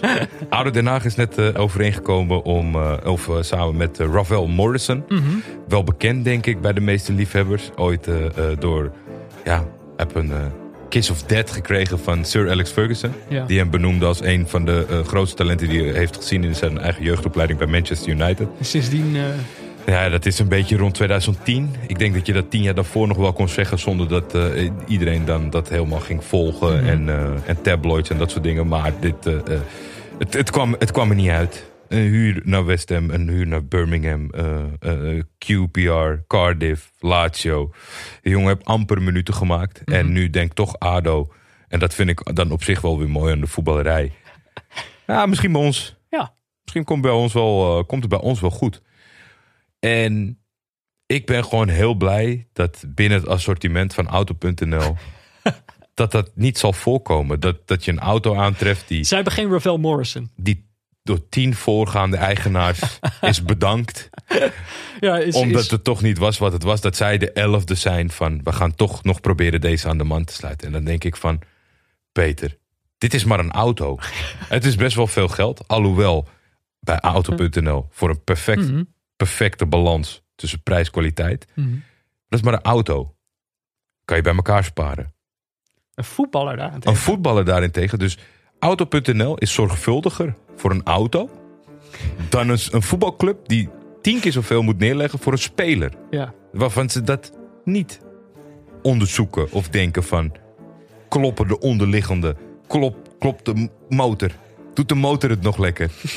ja, Ja, ik, kijk, ik zien. kijk daarvan op. Dus eh Rafael Morrison als auto ga je niet aantreffen bij Auto.nl. Nee, gelukkig niet. Eh, mocht je een auto willen bestellen, doe dat dan even via auto.nl slash neutrale kijkers. Trouwens, want dan weet www.auto.nl dat jullie via ons komen. En dat is natuurlijk, ja, En dan zijn wij weer een stapje dichter bij financiële onafhankelijkheid. precies. Even kijken. Tweede helft wordt denk ik bepaald door twee momenten. Eén moment heeft plaatsgevonden vlak voor rust. ja. Namelijk die, die, die rode kaart voor centrale verdediger Christensen. Eh, waardoor Chelsea in de rust ook moet wisselen. Havertz gaat eraf. Tomori komt erbij. Liverpool wisselt ook. Was scheen een lichte blessure te zijn bij eh, Henderson. En toen mocht meteen Thiago zijn debuut maken. Het is leuk hè, zo'n jongen uit de eigen opleiding. Ja, Door, door Klopp klaargestoomd voor het echte werk. Dan kan hij dan eh, in de tweede helft, omdat ze tegen tien spelen, kan hij Thiago. Nou, ik Nou was, ja, ik was dus- ontzettend verrast. Leuk spelen, kan goed pasen. Ja, die jongen is natuurlijk echt. Hij is, hij is gewoon. Het is, ook dat is dus een jongen die voor mij niet Liverpool leuker kan maken. Zeker het voelt niet. niet als een nieuwe impuls. Die gast is gewoon te goed. Het is niet spannend. Nee. En, Je weet al ja, wat hij kan. Hij is gewoon wereldtop. Ja, dat, nee, dat, is, dat is het zeker. Dat is het zeker. Maar het is ook, het is ook gewoon puur specifiek, zeg maar. Dat wa- wat, wat hij fantastisch doet, is niet hetgene wat mij op het puntje naar de stoel brengt. Nou, niet in zo'n wedstrijd waarin Chelsea een man minder heeft en dus meer achterover leunt en wacht Ja. op de counter. Want dan is hij, staat hij gewoon eigenlijk de hele tijd vrij. En dan mag je de bal de hele tijd heen en weer eh Hij had spelen. in één helft meer passes dan alle anderen van Chelsea de hele wedstrijd. Ja, nou ja. Eh, de Barcelona, dat Barcelona-elftal met tiki-taka mag dan verdwenen zijn, maar de geest waart nog wel rond ja, in hem. ja. Ik heb het wel, het, voordat we naar het cruciale moment gaat. Mhm. Je had het net al even over Havertz, hij wordt dan gewisseld. Het is bij voetbal zo oneerlijk. Het is zo oneerlijk of je goed begint of niet. En hoe lang je de tijd krijgt. Ja. Kijk, de jongen heeft natuurlijk dat prijskaartje meegekregen, kan je niks aan doen. Net als jij hebben de clubs gekeken wat hij vorige seizoenen heeft gepresteerd. Begenadigd talent. Geeft een belachelijke belabberde bal in de eerste wedstrijd. Speelt niet goed. Ja. Kan het nu weer niet tillen, krijgt zijn teamgenoot rood. En het kan ineens maar zo... Ja, Keihard zie je, gaan, zie je, zie je weer terug en dan eh, is hij misschien wel eh, bankspeler. Ik weet het niet. Dus dan mm, zit er misschien toch wat in jouw mening. Dan is dit geld Ja. wel heel snel verdampt. Maar ja, dat is, ik vind het zo raar met Ah, voetbal. nee, maar ik heb die jongen zo goed zien voetballen. Ik kan me echt gewoon bijna niet voorstellen dat dat niet goed komt. Maar het, is, het, is, het lijkt me ook zo zwaar. Het is natuurlijk wel een jonge jongen. Ja, Het gaat nergens anders over van, prr, een tegenvaller. Kan niet het wel. Premier League is toch wat anders. Het ja. is geen Farmers League. Ja, oh, jezus. Nou, Ja, Ehm, Oké, maar dan dus het eerste moment. Eh 50ste minuut. Is dan toch weer die, die drie voorin. Kijk, dat is wel het voordeel. Als je zo lang met elkaar speelt, dan kan je elkaar ook wel echt eh, vinden. mak- makkelijk vinden. Dus eh, ze hebben hem allemaal een keertje aangeraakt. Firmino stift hem voor en uh, Mané komt voor zijn man bij de eerste paal. Geknikt. Knikt hem binnen. Ja. Gewoon een hele goede goal. Hele goede goal. En eh, nou, dan weet je eigenlijk al hoe gaat dit nog, want hoe gaat dit nog goed komen? Niet. Niet, ja, of met, met geluk op zich, achteraf, daar zullen we het zo nog over hebben, had het misschien wel gekund. Waren het niet dat vier minuten later, eh, en dat is natuurlijk denk ik het moment, dat, als je de wedstrijd niet gekeken hebt, heb je dit wel meegekregen. Kepa, Kepa Arrizabalaga, de Ja. Keeper van Chelsea, Arrizabalaga. Arrizabalaga. Dat kunnen wij gewoon uitspreken. Ja. We hebben geen moeite mee. We Nee, hebben niet eh, opgeoefend vlak voor deze helemaal podcast. niet. Eh, die eh, die krijgt de bal teruggespeeld. Wie? En eh Kepa Arrizabalaga, die krijgt Oké. de bal teruggespeeld. Ik weet niet wie hem speelde trouwens. Ehm, hij neemt hem eventjes Volgens mij Tomori. aan, geloof ik. En hij wil hem daarna naar voren schieten. Maar ja, je, je hebt natuurlijk Liverpool tegenover je staan. Die zetten hoge druk. Ja, en je bent Kepa Arrizabalaga. En je bent Kepa, die vorige week eh, een dubieuze blunder maakte bij die goal van Een Brighton. howler. Een howler, ja. dus iedereen keek al naar hem. eh, met, ook met de wetenschap dat Chelsea een nieuwe keeper aan het contracteren is. Hij heeft natuurlijk ook onder Sarri al die hele saga gehad waarin hij niet gewisseld, of waarin hij gewoon zich niet liet wisselen. Ja. Dus hij, het is geen gelukkig huwelijk, eh, ondanks 80 miljoen eh, voor hem hebben betaald. Maar weet je wie nou de echte lul is in dit verhaal?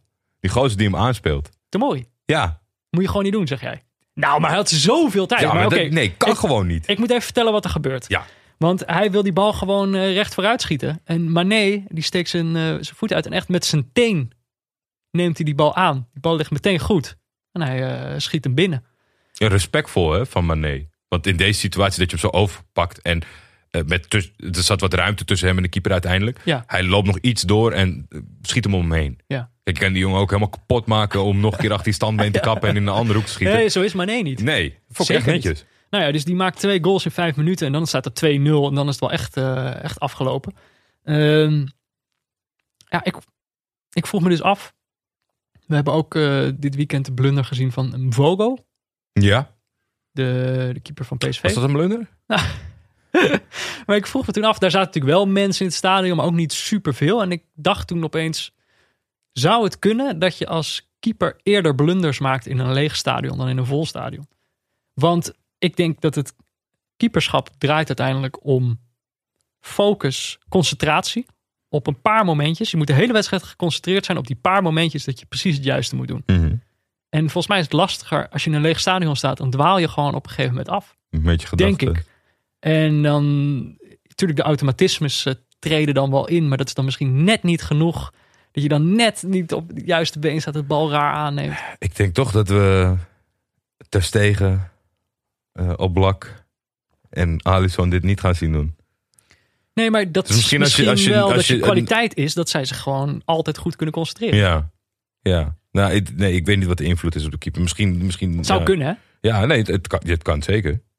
Had ik nog Ik weet niet of het zo is. Ik denk alleen dat deze jongen is gewoon Dit is, dit is men- mentaal een vaatdoek. En toch blijven ze hem opstellen. Dat valt wel, dat, ja... Ik, ik vind het zo moeilijk. ja, Misschien, was- is, misschien is het wel heel goed om, om, om, om hem te laten, om hem te blijven op te stellen. Maar Ja, bij Match of the Day was een discussie van ja, ze hadden hun eh, investering moeten beschermen. ja. Gewoon op de bank moeten zetten en dan Willy Caballero, de tweede keeper, eh, in het doel zetten.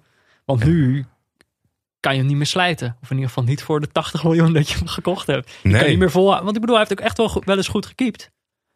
Maar ja, nu. toen hij klein was.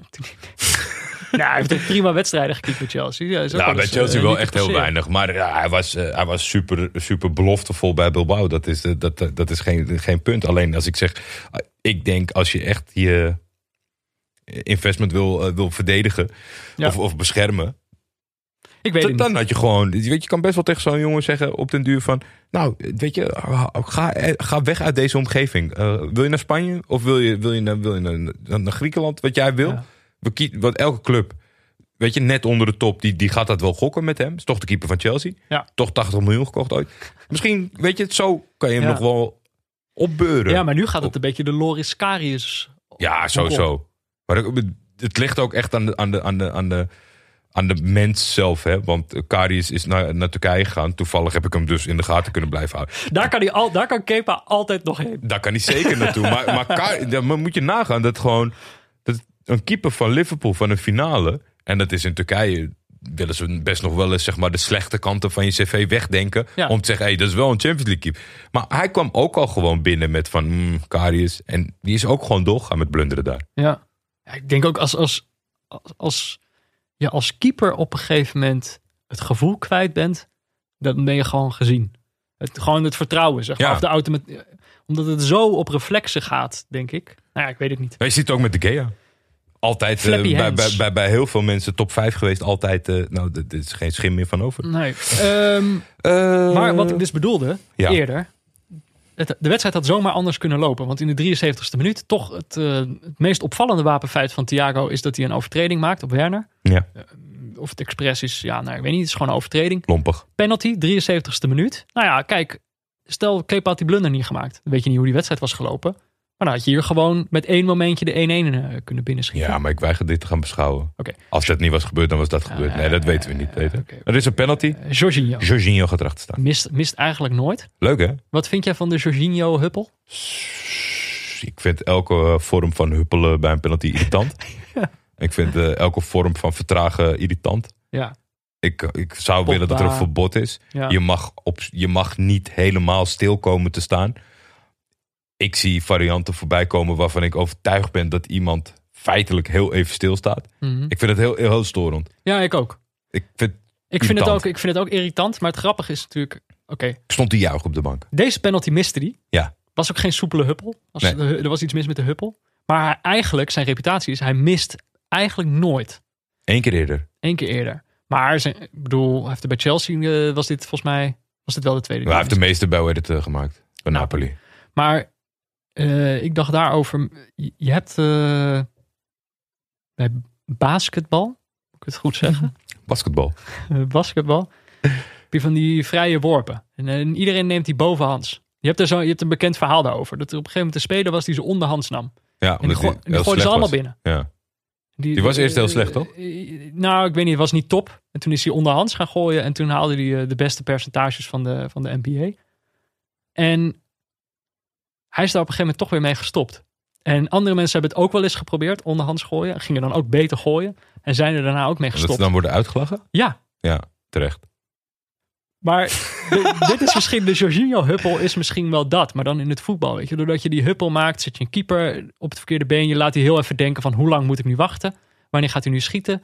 Eh, dus ik kan me wel voorstellen dat de huppel je een voordeel geeft. Maar je- ik zou hem ook nooit doen, omdat het er gewoon Stom uit. stom uitziet. Ja, weet je, we kunnen, we kunnen het hier heel lang over hebben, maar het blijft een loterij. Dus waarom? eh, we kunnen Je kan er niet op trainen. Nee, Het is spanning. dus ja, huppel of geen huppel, we weten Ja. het gewoon niet. Ja, dus eh, ja, Jorginho mist. Of nou ja, eigenlijk beter gezegd, Alisson pakt hem gewoon. Ja.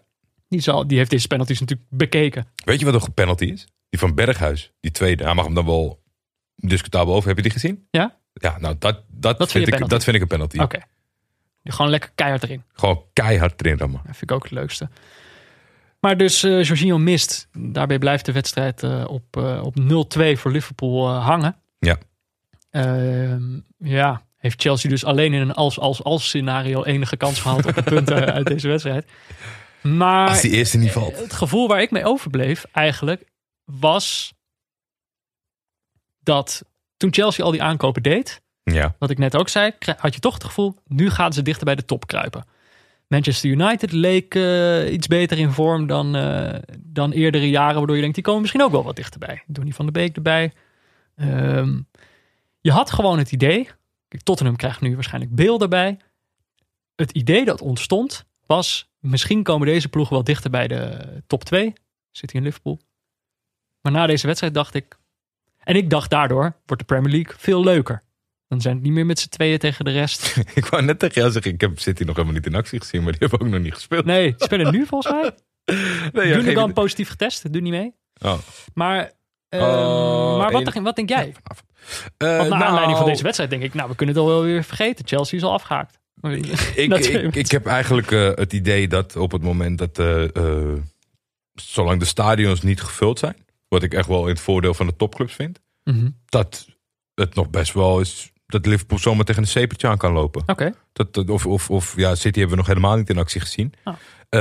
Leicester is goed begonnen. Maar weet je, we hebben twee wedstrijden gespeeld. Maar, Ja. Dus Ja, ik vind dat moeilijk. Ik denk dat het, het gebrek aan focus uiteindelijk, door het gebrek aan publiek of aan motivatie, dat dat best wel invloed gaat hebben. Dus dat, je, dat de titelstrijd meer open. ja Liverpool is natuurlijk vorig jaar best wel vaak naar de winst geschreeuwd voor je gevoel. Ja, Dat hebben ze maar het is ook echt wel gewoon een befaamd stadion. En die Ja. zijn met de missie. En dan moet je nu ook weer zien. Ze hebben nu. Het is heel gek natuurlijk. Je hebt 30 jaar naar de Ja, ze hebben de titel missie toegeleefd. behaald. Ja, en dat ze dan nu zouden zeggen: ja, we zijn toch kampioen. Ik kan me niet meer motiveren. Maar Ja. dat, dat zou een beetje. Maar jij dat hebt er nog wel gebeurt vertrouwen in dat de Ik Premier heb, League ge- leuker ik, worden. ik, heb wel vertrouwen dat het nog. eh, Oké, nou dat is mooi. Ik mocht natuurlijk de man of the match aanwijzen. ja, De, ma- de man van het nieuwe normaal. Eigenlijk de smaakmakers van het nieuwe, nieuwe normaal moeten we steeds gaan uitzoeken. Kijk, dan is het natuurlijk... Maar nee, maakt er twee. Mhm. Speelt een goede wedstrijd. Moet je die dan aanwijzen als op tv krijgt hij hem. Nou ja, eh, Maar dit is tv. van mij ook. nou, Dus omdat ik toch. toch dacht... eh, ik zat er weer naar te kijken en ik dacht, volgens mij is dit gewoon mijn favoriete speler. Ja. Overal. En, eh, want hij heeft gewoon... Het is sowieso een sensationele speler. Gast die kan alles voor mijn gevoel. Hij is heel technisch, razendsnel. Hij is ook heel slim, staat altijd op de juiste plek. Eh, hij heeft ook klasse. Ik zie hem zelden rare dingen doen. Ja. Of onsportieve dingen doen. Doet hij eigenlijk niet. Hij heeft humor. Ik moet eigenlijk altijd lachen als hij eh, aan het juichen is. Of hij, je hebt zo'n heel filmpje dat Firmino steeds juicht. Ja, En dat, hij hem daar achter loopt en dat dan halfslachtig nadoet. Ja, Dus doet Firmino een of andere zieke karatekick. En dan komt Mané met zo'n slappe... ja. dat vind ik gewoon heel grappig. En hij geeft verder ook niet superveel prijs. Hij laat zich volgens mij zelden kennen. Het is gewoon echt absolute prof. Maar waarom ik hem dus toch wil aanwijzen, want het is gewoon, ja, tuurlijk wijs je hem aan, maar is dat ik toch het gevoel heb dat hij onderschat is, nog steeds. Hoe, terwijl iedereen prijst hem echt wel de hemel in. Ik heb echt eh, eh, tijdens het kijken van de wedstrijd ging het door mijn hoofd van... Als je nou bij je eigen club eentje van die drie voorin mag pakken. Ik, ik zou altijd hem nemen. En Firmino kan alleen, die, zeg maar, met als zo hangende spits, dat kan nu alleen bij Liverpool. Ze hebben al heel veel andere clubs. Ja, op die dat manier. Dat je, dat je, ja? Ja. dat je speelstijl... Ja, Salah is natuurlijk wel een machine. Maar ik dacht dan toch Ja, al, maar- allround eh, ga ik voor Mané. Maar Mané heeft iets, ik vind hem sensationeler dan eh, die kopbal. Als je dat ook in slow motion ziet, hoe hij dan in de, in de lucht hangt. Klimt. Het ziet er gewoon altijd vet uit. Ja, nee, En, eh, het is, is, is zeker waar. En ik dacht, ja, En Salah heeft toch wel... Ook zeg maar in de goede tijd. En het zijn, die- nee, ze werken echt keihard voor elkaar. Dat is echt knap om bij elkaar te vinden. Zo'n drietal voorin. Ja. Spitsen die allemaal willen scoren. Maar dan toch... En Salah heeft toch wel al... Weet je, af en toe... Ja. Paast, paast hij hem niet. Dat doet hij andersom. Dus Mané doet dat niet. nee. Ja, ik, ik, ik, Mooi karakter, denk ik. Denk ik ook. En ik realiseerde dat gewoon toen ik naar hem keek. Toen dacht ik, ik hoop dat we in het nieuwe normaal eh, hem echt gaan zien voor de, voor de wereldtop die hij is. Weet je wel? Hij wordt nooit... Salah is- wordt dan nog wel opgeschreven bij wereldvoetballer van het jaar. Dus ik denk, waarom Mané dan niet? Eens? Maar ja, dat is, eh, misschien eh, is het de opiniemaker in mij die nu eh, stelling durft in te nemen. Maar ik zou zeggen, schrijf hem ook maar wat vaker op. Oké, dan moeten we nog één ding om de wedstrijd af te sluiten. We proberen natuurlijk een beetje erachter te komen van hoe, hoe moet je voetbal kijken in het nieuwe normaal. Dingen zijn veranderd. Ja, zijn er lessen? Wat is de les die we uit deze wedstrijd hebben getrokken, Jordi? Ook in het nieuwe normaal is heel goed. Niet per se leuk. Dat, is, eh, dat wisten we eigenlijk al. Maar Ja. we dachten misschien dat het eh, Even herbevestigd. ja, herbevestigt dat als de ploegen te goed zijn, is het voetbal niet leuk. Eh, is er verder nog wat leuks gebeurd, Jordi, deze week? Ja, er is heel veel gebeurd, Peter. Tenminste. Ik zie een hele lijst met namen, staat Ja. er in het ding. Maar ik dacht misschien voordat we met de, aan de lijst met namen gaan beginnen. Mhm. Ik vind dat ook zo grappig. We maken dan samen zo'n script. En jij zet er gewoon namen in. Dat ik dan denk, nou oké, ik weet niet wat Jordi hierover gaat zeggen. Kent ze wel. En soms ook wel. Soms ook, weet ik ook wel wat je ongeveer gaat zeggen. Maar soms staat er gewoon een naam. Maar ik dacht voordat we het over die namen gaan hebben. Omdat ik nu opiniemaker ben. Mhm. Er is nu een vurig debat in het voetbal. Dacht ik, daar moet ik me dan ook in mengen. Tuurlijk. Eh, het actuele debat is eh, een beetje voornamelijk aangezwengeld. Doordat iemand, eh, een journalist aan Rutte in het voorbijgaan vroeg. Ja, wat vind je van, die, van, van wat er in, de- onder andere in de Kuip is gebeurd? Voetbalsupporters die dicht bij elkaar staan. En hij staat dan, ja, het is natuurlijk niet goed om te zien. Maar de, de zin die de hele tijd overblijft is dat hij zegt... Kijk gewoon naar die wedstrijd en hou je bek. Ja. Letterlijk eh, die woorden. Ik vind het een beetje vreemd dat de minister-president die dat soort bewoordingen eh, spreekt. Doet hij vaker. Pleur op, heeft hij ook gezegd, toch? Mhm. Of, of, Tegen mij. of dat hij, Maar dat, dat was tegen Ja. mij, hè? jij moest oppleuren. hij heeft tegen mij een keer gezegd dat hij mij in elkaar zou slaan. Maar dus dit, dit soort... Hij praat vaker zo. Nou goed, hij heeft nog zijn eigen problemen. Eh, het kabinet doet het ook allemaal niet perfect. Maar ik, ik moet zeggen dat ik het eigenlijk eh, wel een beetje mee eens was. Ik zat gewoon, als je naar die wedstrijden kijkt. Ik vind eigenlijk het, ik vind het niet vreemd dat dit gebeurt. Want je kan er de donder op zeggen dat het gebeurt. Je laat supporters in het stadion. Eh, je hebt geen strenge controle op waar ze gaan zitten. Ja, op die Eh, manier. dan, ja. gaat dit, dan gaat dit gebeuren. Daar kan je de donder op zeggen. Wat ik wel vreemd vind, is de, de gelatenheid waarmee, daar, waar, waarover daar, eh, waarmee daarover gesproken wordt. Dus bijvoorbeeld bij Studio Sport zegt de commentator bij, bij Feyenoord, waar vanaf de eerste minuut wordt gezongen, zegt hij, ja, dit, dit ga je niet tegen. Die opmerking, dit ga je niet tegen, dat vind ik eigenlijk het raarste. Want dat is volgens mij juist wat je moet doen. Je moet juist proberen om het tegen te gaan. Dat is nu de uitdaging die er ligt. En dan ga je zonder het te proberen. Je zet die mensen gewoon in het stadion en je laat ze dit gewoon doen. Zeg je, ja, joh, ja, dit hou je toch niet tegen. Dit is precies wat je krijgt. Terwijl ik denk, Maar ja, geeft zeggen wel mensen- verslag van iets wat al is gebeurd. ja, dit, maar ik vind de Of vind je gelaatheid... dat de, de, de- Hij- ik zou liever hebben omdat dat een hij miljoen dan- mensen met een bord op schoot zitten, moet hij vertellen van dit kan dus niet. Ja, dit is dus niet de bedoeling. Ik neem aan dat Feyenoord hierop wordt aangesproken of zo. Er wordt steeds met een soort gelatenheid op gereageerd. Terwijl ik denk van, ja... eh, ik denk... Supporters zullen zelf zeggen van, ja, ik... eh, is emo sport is emotie. Hmm. Kan je niet inhouden. Dat gebeurt gewoon. Ja. Ja, de uitdaging is nu juist dat je je gaat inhouden. Dat is de bedoeling. Want anders breng je elkaar in gevaar. Als je je niet inhoudt. ja. Dus dat is juist de uitdaging. Dus ik snap al dat dat moeilijk is, maar dat moet je proberen. Nou, Ik denk ook, je inhouden is wat eh, ons mensen maakt. Als je je niet in. Ik bedoel, je houdt je de hele dag door in. Misschien niet in deze podcaststudio. Nee, ik niet. Hier doen maar- we lekker eh, waar we zin in. Nee, maar ik bedoel, je houdt je de hele dag door in. Ja. Je, je hele leven bestaat uit je inhouden. Als je, als je zou doen. Als je de hele tijd zou doen wat je je lichaam je zou ingeven. En dan zouden we allemaal opgesloten kunnen Ja, worden. wordt wel tering zo, ja. Dus dat is ook, dat is gewoon letterlijk wat je, wat je een mens maakt. Dus, dus ga die uitdaging gewoon eens aan. Het zijn gewoon allemaal volwassen mensen op die, op die tribunes. En dat dan mensen zeggen, ja nou, dit is wat er gebeurt. Alsof, alsof het gewoon werkelijk onmogelijk is om jezelf in te houden. Ik snap wel dat het moeilijk is. Het kan heus wel een keer fout gaan. Maar probeer het op zijn minst of zo. Ja, Zo gek. Ik vind voetbalsupporters... Tuurlijk, het is altijd makkelijk eh, dat zij nu de schuld krijgen. Terwijl, en eh, ik snap ook wel dat mensen dan zeggen... ja, het kabinet eh, verneukt het ook aan alle kanten. Maar ik denk ook, we, we praten ook vaak over voetbalsupporters... alsof dat kinderen zijn. Terwijl ik denk, ja... natuurlijk eh, komen die juist naar zo'n club... om zich een keer niet te hoeven inhouden. Mhm. Maar nu is er een situatie. Er is gewoon een, een wereldwijde crisis. Het is niet alsof ze de feiten niet hebben. Hè? Ik vond het gewoon. Het is toch eerder al aangetoond dat de wedstrijden aan het begin van deze pandemie. eh, nogal hebben geholpen met het verspreiden van het virus. Dat er gewoon honderden doden zijn aan te wijzen. Regelrecht naar wedstrijden. die regelrecht door wedstrijden komen. Ja. En dat we dan nu gewoon naar dit zitten te kijken. Het is niet alsof je die feiten niet kent. Je hebt er gewoon nog geen, eh, ja geen boodschap aan of zo. feiten is ook niet echt meer van deze tijd, toch? Nou ja, ik weet het niet. Het is nee, meningen. Meningen vooral. Meningen. Maar ik Maar- denk. Het lastigste wat ik vind aan meningen over voetbalsupporters is dat je, je moet een heleboel mensen over één kam scheren. Wat het gewoon heel moeilijk maakt. Want eh, tot op heden zijn de toepassing of naleving van hoe we het stadion zouden moeten bezoeken, denk ik grotendeels wel oké. Ja. Alleen gisteren viel het natuurlijk bij Feyenoord heel erg op. Ja, Omdat die- de, en en dat, was, dat, dat neigde een beetje naar, eh, eh, eh, naar Frankrijk.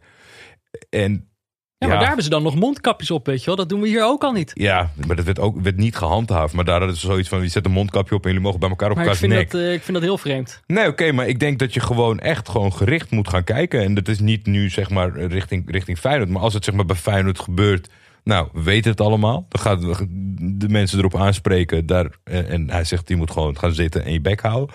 Ja, Nou, terwijl ik denk... Komt over twee weken nog een thuiswedstrijd. Ja. En daarna vind ik, moet je gewoon ingrijpen. Als dat Ja. stelselmatig niet wordt gehandhaafd. Want worden allerlei, alles wordt geregeld bij die clubs. Met stoeltjes, met dingetjes Ja, en maar afstand. dit is dus... Ik had het vorige week had ik het over die voetbaldirecteuren die zeggen... Ja, onze stadions moeten vol, anders Ja. eh, ja, redden we het niet. En dan wordt er gezegd, ja, maar is dat dan veilig? En dan zeggen ze, ja, we hebben bij voetbal heel veel ervaring... met het regelen van... eh, met het reguleren van grote, grote groepen mensen. Daar hebben we heel veel ervaring mee. Nou ja, dan denk ik, dan zie je dit.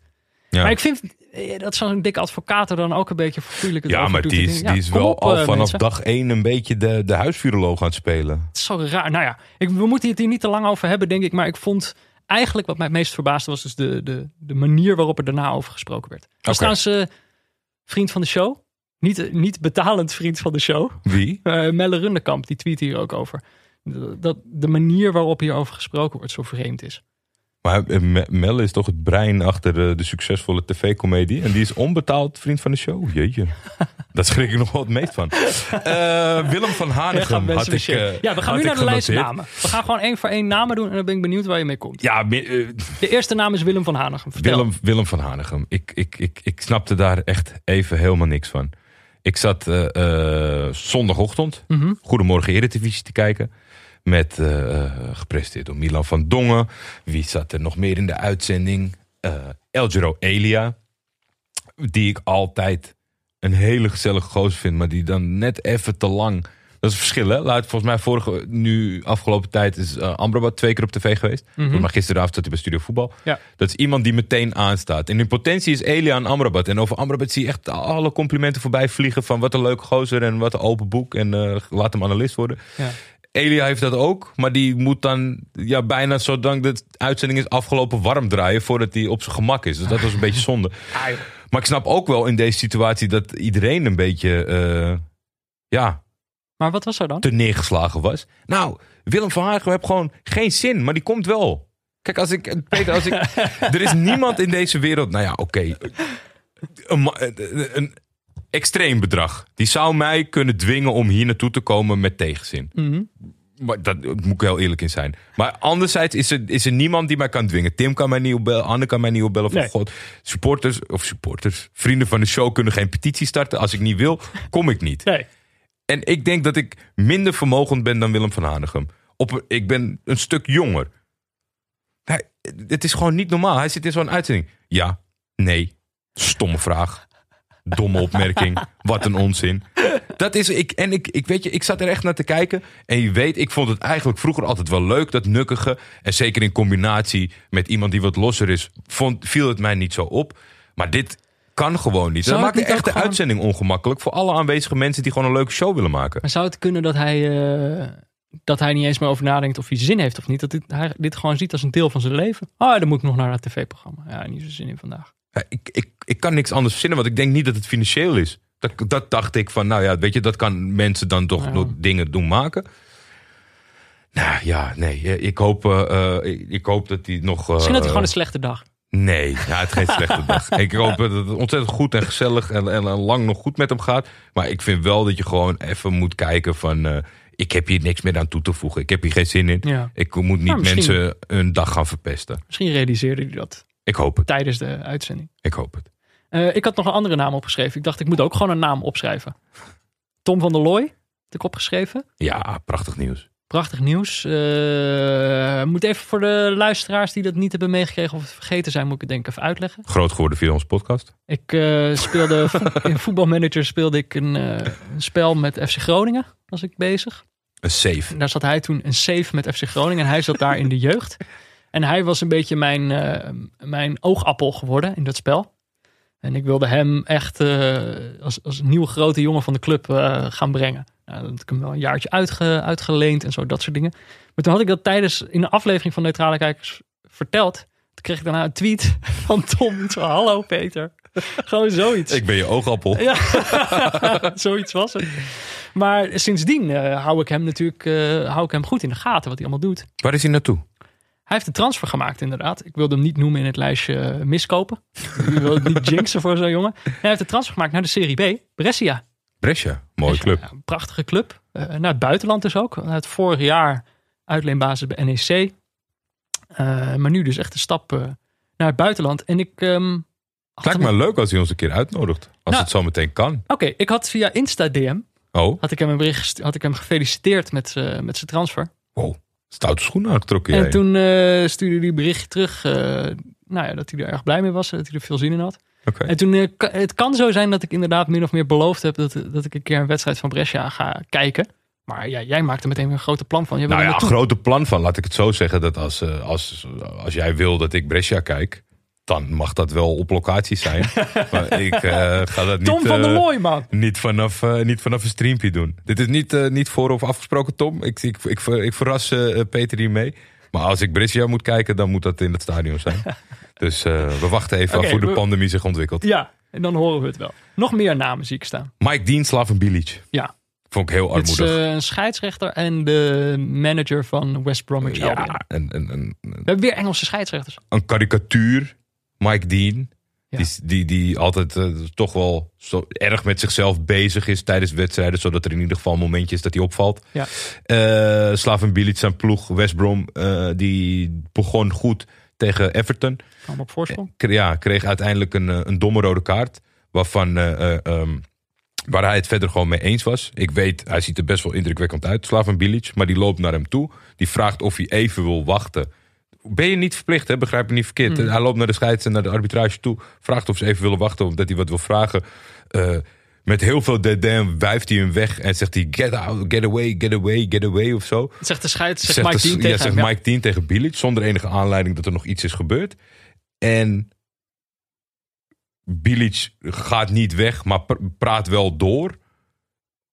En Ja, hij zei iets van, why do you kill us? Uiteindelijk na het zien van dat hij een rode kaart had gekregen. Maar Ja. schrok daar echt van. Want je bent toch, kom op man, je bent toch een beetje eh, Mike Dean. Je hebt een reputatie, je hebt een naam. eh, eh, dat kan je toch wel beter afhandelen. Ik vond dat Ja. zo'n zwakte bot. Ja, dit is dus wel een voorbeeld waarbij ze de beelden konden terugkijken en je eigenlijk gewoon kon verstaan wat hij zei. Want letterlijk, zin voor vraag zin. was van ja, heeft hij hem uitgescholden, want dan hoor je rood te krijgen. Ja. Nou, dat deed hij dus niet. Maar ik dacht misschien, hij zegt dus wel, why do you kill us? Misschien dacht- Na misschien rood, dacht- hè? na rood pas. Na rood. Ah, dus ja. dat was wel nog een Nee. detailtje. Dat klopt mijn theorie niet. Probeerde Mike Dean te verdedigen. Ja, dat moet je nooit doen. Hoeft gelukkig niet. Maar dat vond jij dus een gek moment. Ik, ik heb het al gezegd, Engelse scheidsrechters zijn slecht. Ik, eh, ik Nederlandse scheidsrechters zijn wereldtoppen. Die Engelse deel ik niet. slecht. Deel 1 deel ik wel. Even kijken, wat hebben we nog meer? De Oranje Leeuwinnen. Ja. Ja, vond ik zo leuk. Die, eh, die hebben nog echt lol erin. Weet je, bij, bij het Nederlands elftal, misschien heb jij zo meteen een punt over, over Frank de Boer. Eh, zo zagrijnig allemaal. Zo. Gisteravond viel ik even in een, in een gesprek bij Rondo over de aanstelling van het. En dat, dat, dat gaat dan bijna hard tegen hard. En dan, dan zie je gewoon emotie bij Jack van Gelder en Ruud van Gullen. ja, dat, ik schrik daar echt van. En, en die spelers. eh, eh, Weet je, dat is ook Ja. een beetje de Hosanna-tijd is weer achter Ja, ons. Koeman ja. is vertrokken en Het het is chagrijn allemaal is chagrijn. Ja. En daarna zie ik op, eh, op, op Instagram, volgens mij via Jackie Groene, dat Merel van Dongen zich in een auto verstopt op de parkeerplaats. en iedereen een hartverzakking eh, eh, met, een, met een geintje. Ja, ik ben geen groot voorstander van mensen laten schrikken. Nee? Ik vind dat toch dan, dan, dan eh, ik weet niet, je, je, hoe zeg je dat? Je, je, misschien is het wel goed voor je, je schaadt iemands vertrouwen. Ja, het is misschien goed voor je opvoeding, maar het is ook, Nee, ja, dat je Iemand- alert wordt. Ja. Misschien was het een training. Cognitiviteit. eh, maar het- ik snap precies wat je bedoelt. Het is, het is natuurlijk ook voetbalhumor. ja, dat, precies. Pranks uithalen. Ja, precies. Nee, dat, dat heeft natuurlijk een heel goor stempel, dus goor stempel gekregen door, door YouTube. Pranks. Maar dit voelde wel, ik snap wat je bedoelt, dit, dit was wel echt. Deze meiden hebben het super leuk met elkaar. En die presteren, of die willen presteren. En die zijn daar super serieus mee bezig. Want je ziet ook trainingsbeelden voorbij schieten. Maar ja, zijn in de, in, in, in de core toch nog gewoon leuk. Lief, Ja, daar zit nog plezier in. liefhebbers, plezier in. Ja, ik snap precies wat je bedoelt En dat is altijd, volgens mij is dat altijd wel een beetje. Er zijn weinig ploegen die met chagrijn iets hebben binnengehaald. Het is belangrijk hoor, plezier. Ik vind het een hele goeie. Het wel mooi. Je hebt nog veel meer namen opgeschreven. Nou, jij noemt net al Frank de Boer. Ja, ik dacht Ja, misschien jij, het jij maakt de hele lijst namen. Denk ik, nou, dan zet ik Frank de Boer. Gewoon, ik gooi er ook een naam nee, maar ik- we hoeven het er eigenlijk niet echt over te hebben. Maar het lijkt er natuurlijk op dat hij de nieuwe bondscoach Goeie Nederland kandidaat. gaat. Ja, nee, maar tegelijkertijd denk ik ook wie dan in godsnaam. Maar waarom ik hem eigenlijk ook opschreef is gewoon...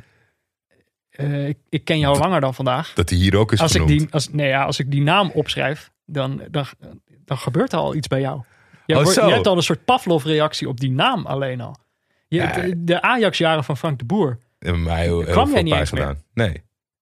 Ja, ik vond het Eh, verschrikkelijk. Dat is voor jou altijd zo'n toonbeeld van wat jij ook als neutrale kijker wil. Je hebt liever dat er leuk gevoetbald wordt dan dat er gewonnen wordt. Of zo. Ja, de, nee, maar ik, ik, begrijp, ik begrijp echt wel dat mensen eh, eh, die voor een club zijn die niet regelmatig kampioen of om, om de titel spelen, hier, dit, hier afgrijzelijk op reageren. Dat je zegt van nou dan maar geen kampioen, omdat eh, het voetbal was verschrikkelijk. Ja. Maar dat, dat, is echt, dat is echt wat hij toen bij mij opriep. En ik denk bij velen van mij. En ik denk, daarna is het niet beter gegaan.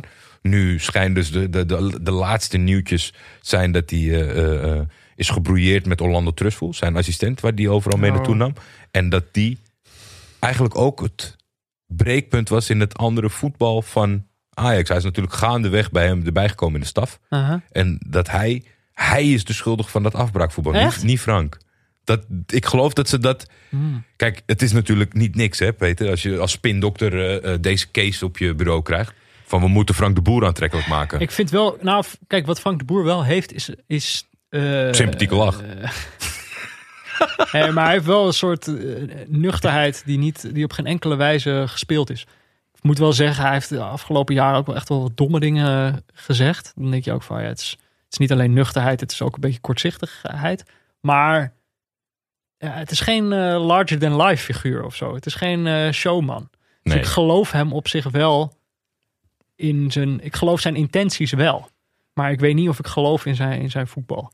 Nee. Maar we zullen het zien. Ja, hey, en anders dan kunnen we toch gewoon terecht bij de Oranje Leeuw winnen. Ik ben Ja. eigenlijk wel overtuigd. Er zit gewoon nog plezier in. In dat opzicht is Frank de Boer vast... Ja, als je chagrijn hebt in je elftal, zet die man er maar voor. Misschien dat dat goed werkt binnen minus plus. Eh, ja, dit is, niet echt, eh, dit is niet echt een mening of een verhaal. Maar ik wilde gewoon even samen lachen om de achterhoede van Manchester United. Ja.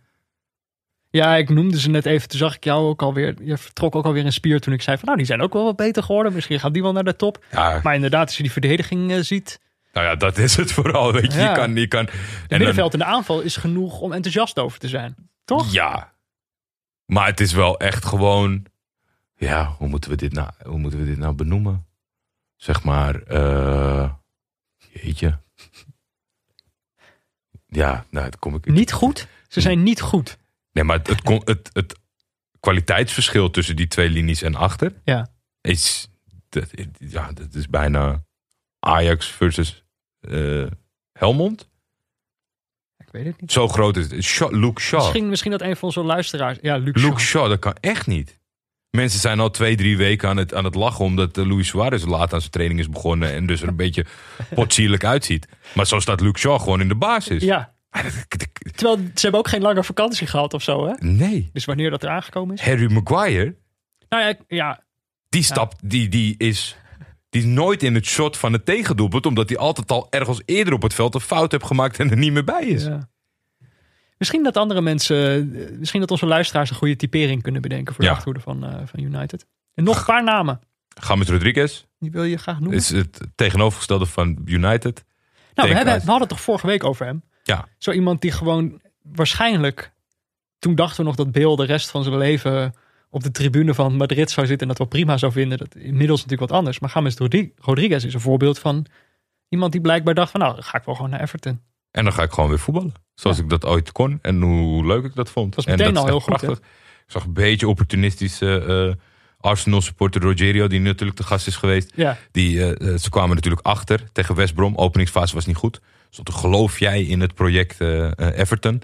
Allemaal mensen, nee, een belachelijk idee dat project. Het eh, wordt helemaal niks. Ancelotti gaat weg, bla bla bla. Maar ja, toen ging het ineens even lopen bij Ja. Everton. Ik weet niet of... Ik, ik vind het geen type die zijn tweet wist. Ik heb wel... Ik, ik, ik viel er iets later in, kon er wel goed om lachen. je wil hem nu even, toch even vastleggen. Everton denk ik echt voor de neutrale kijkers tippie. Ja, Aankomende weken, als je daarin valt, eh daar zitten leuke spelers bij. Echt leuke spelers. ja. Ja, Lionel Messi. Vond ik wel lachen. Quoteje over dat eh, Tata Martino eh, had verteld aan eh, Del Bosque, geloof ik. Ze hadden het erover hoe dat was. Del Bosque die Waar hadden ze het hier over? over het leven, over Spaans voetbal, La Liga. Ja, ik weet niet, bij hem thuis. de- Maar bij hoe diner. weet jij dit? Nou, dat is een, dat is een quote uit een interview waarin Del Bosque dit vertelt. Ah, dat Tata Martino hem iets verteld heeft. Ja, Tata Martino Dus, vertelde, deelde met hem hand. mee. Ja, uit Ja. derde hand. En dat ging over, eh, eh, want het is natuurlijk, Messi heeft dat eh, perfecte stempeltje wel een beetje, wel een beetje beschadigd, denk ik, de Mhm. afgelopen seizoenen. Maar als de, de normale jongen, hè, Ronaldo is gek en die wil Ja. alles bepalen. bouwen. Maar Tata Martino, die, die vertelde dus aan hem, Oud eh, trainer van Barcelona trouwens. hè? aangesteld door Ja. Lionel Messi. En het gerucht gaat altijd dat hij een beetje bepaalt daar. En de Messi, baas ja. was geworden de afgelopen seizoenen. Dus Tata Martino liet optekenen van...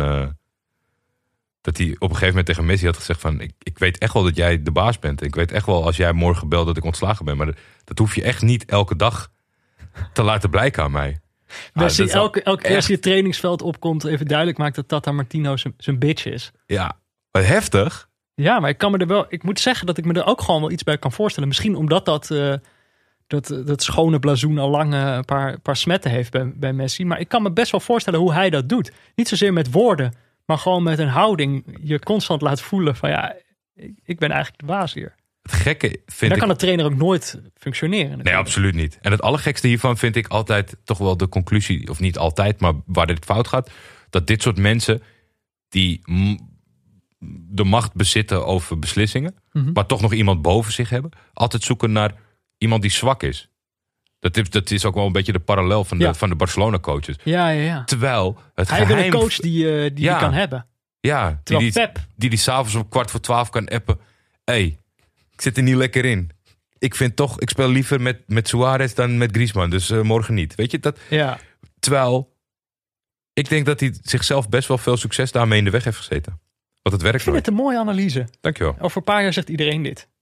Als hij eenmaal gestopt is, is dit, eh, wordt dit de duiding. Burak Yilmaz, Ja, ken jij? Grote, eh, eh, grote spits van Turkse Turkije. spits, ja. Eh, jaren Trabzonspor gezeten, jaren bij Galatasaray gezeten. Nog even naar China geweest om, om toch ook de toekomst te garanderen. Maar echt een succesvolle spits, toch? Ja, ja, ja, heel veel doelpunten. Maar ik vond het echt super grappig om gisteren te zien. Boerak staat dus... Zijn geheim is op het randje spelen.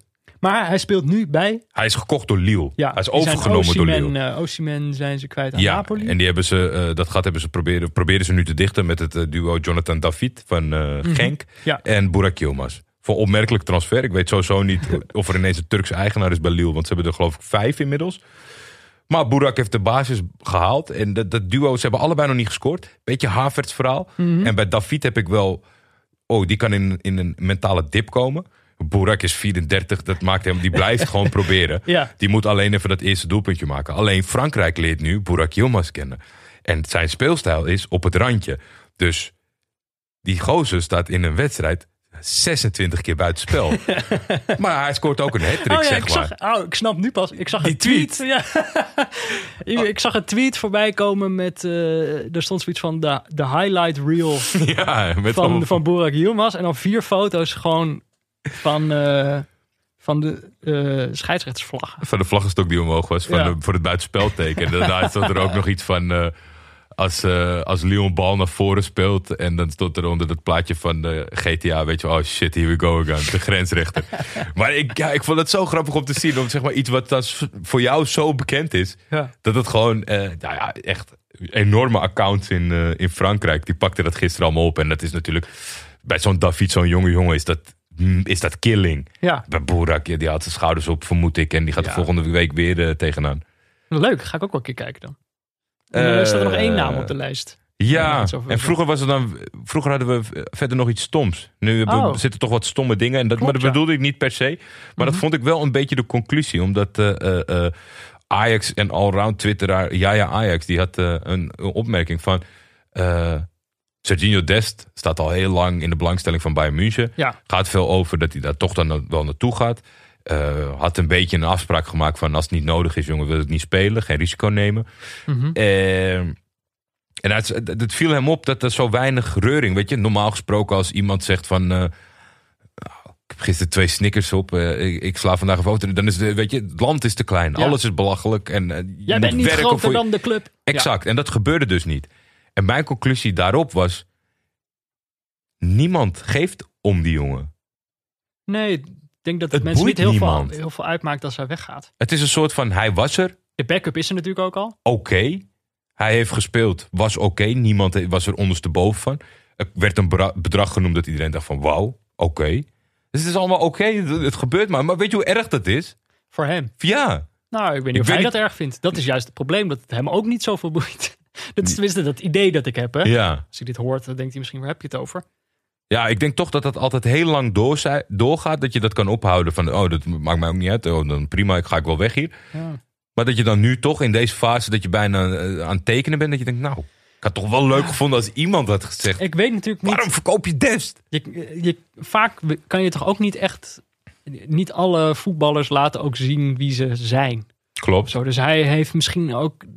Hij, hij straalt ook niet zo heel veel uit in de zin van wie die is. Hij geeft ook niet zoveel prijs. Nee, heel weinig. is. Dat is ook waar. Dus eh, ik weet het niet. Misschien dat hij eh, thuis heel anders is. Maar inderdaad op het veld geeft het Hij is ook idee- zeker, zeker niet onsympathiek. Maar misschien, heel, ja, misschien wel de meest neutrale voetballer die er is. Nee, een moeilijke Ja. mening over hem te vormen. Ja.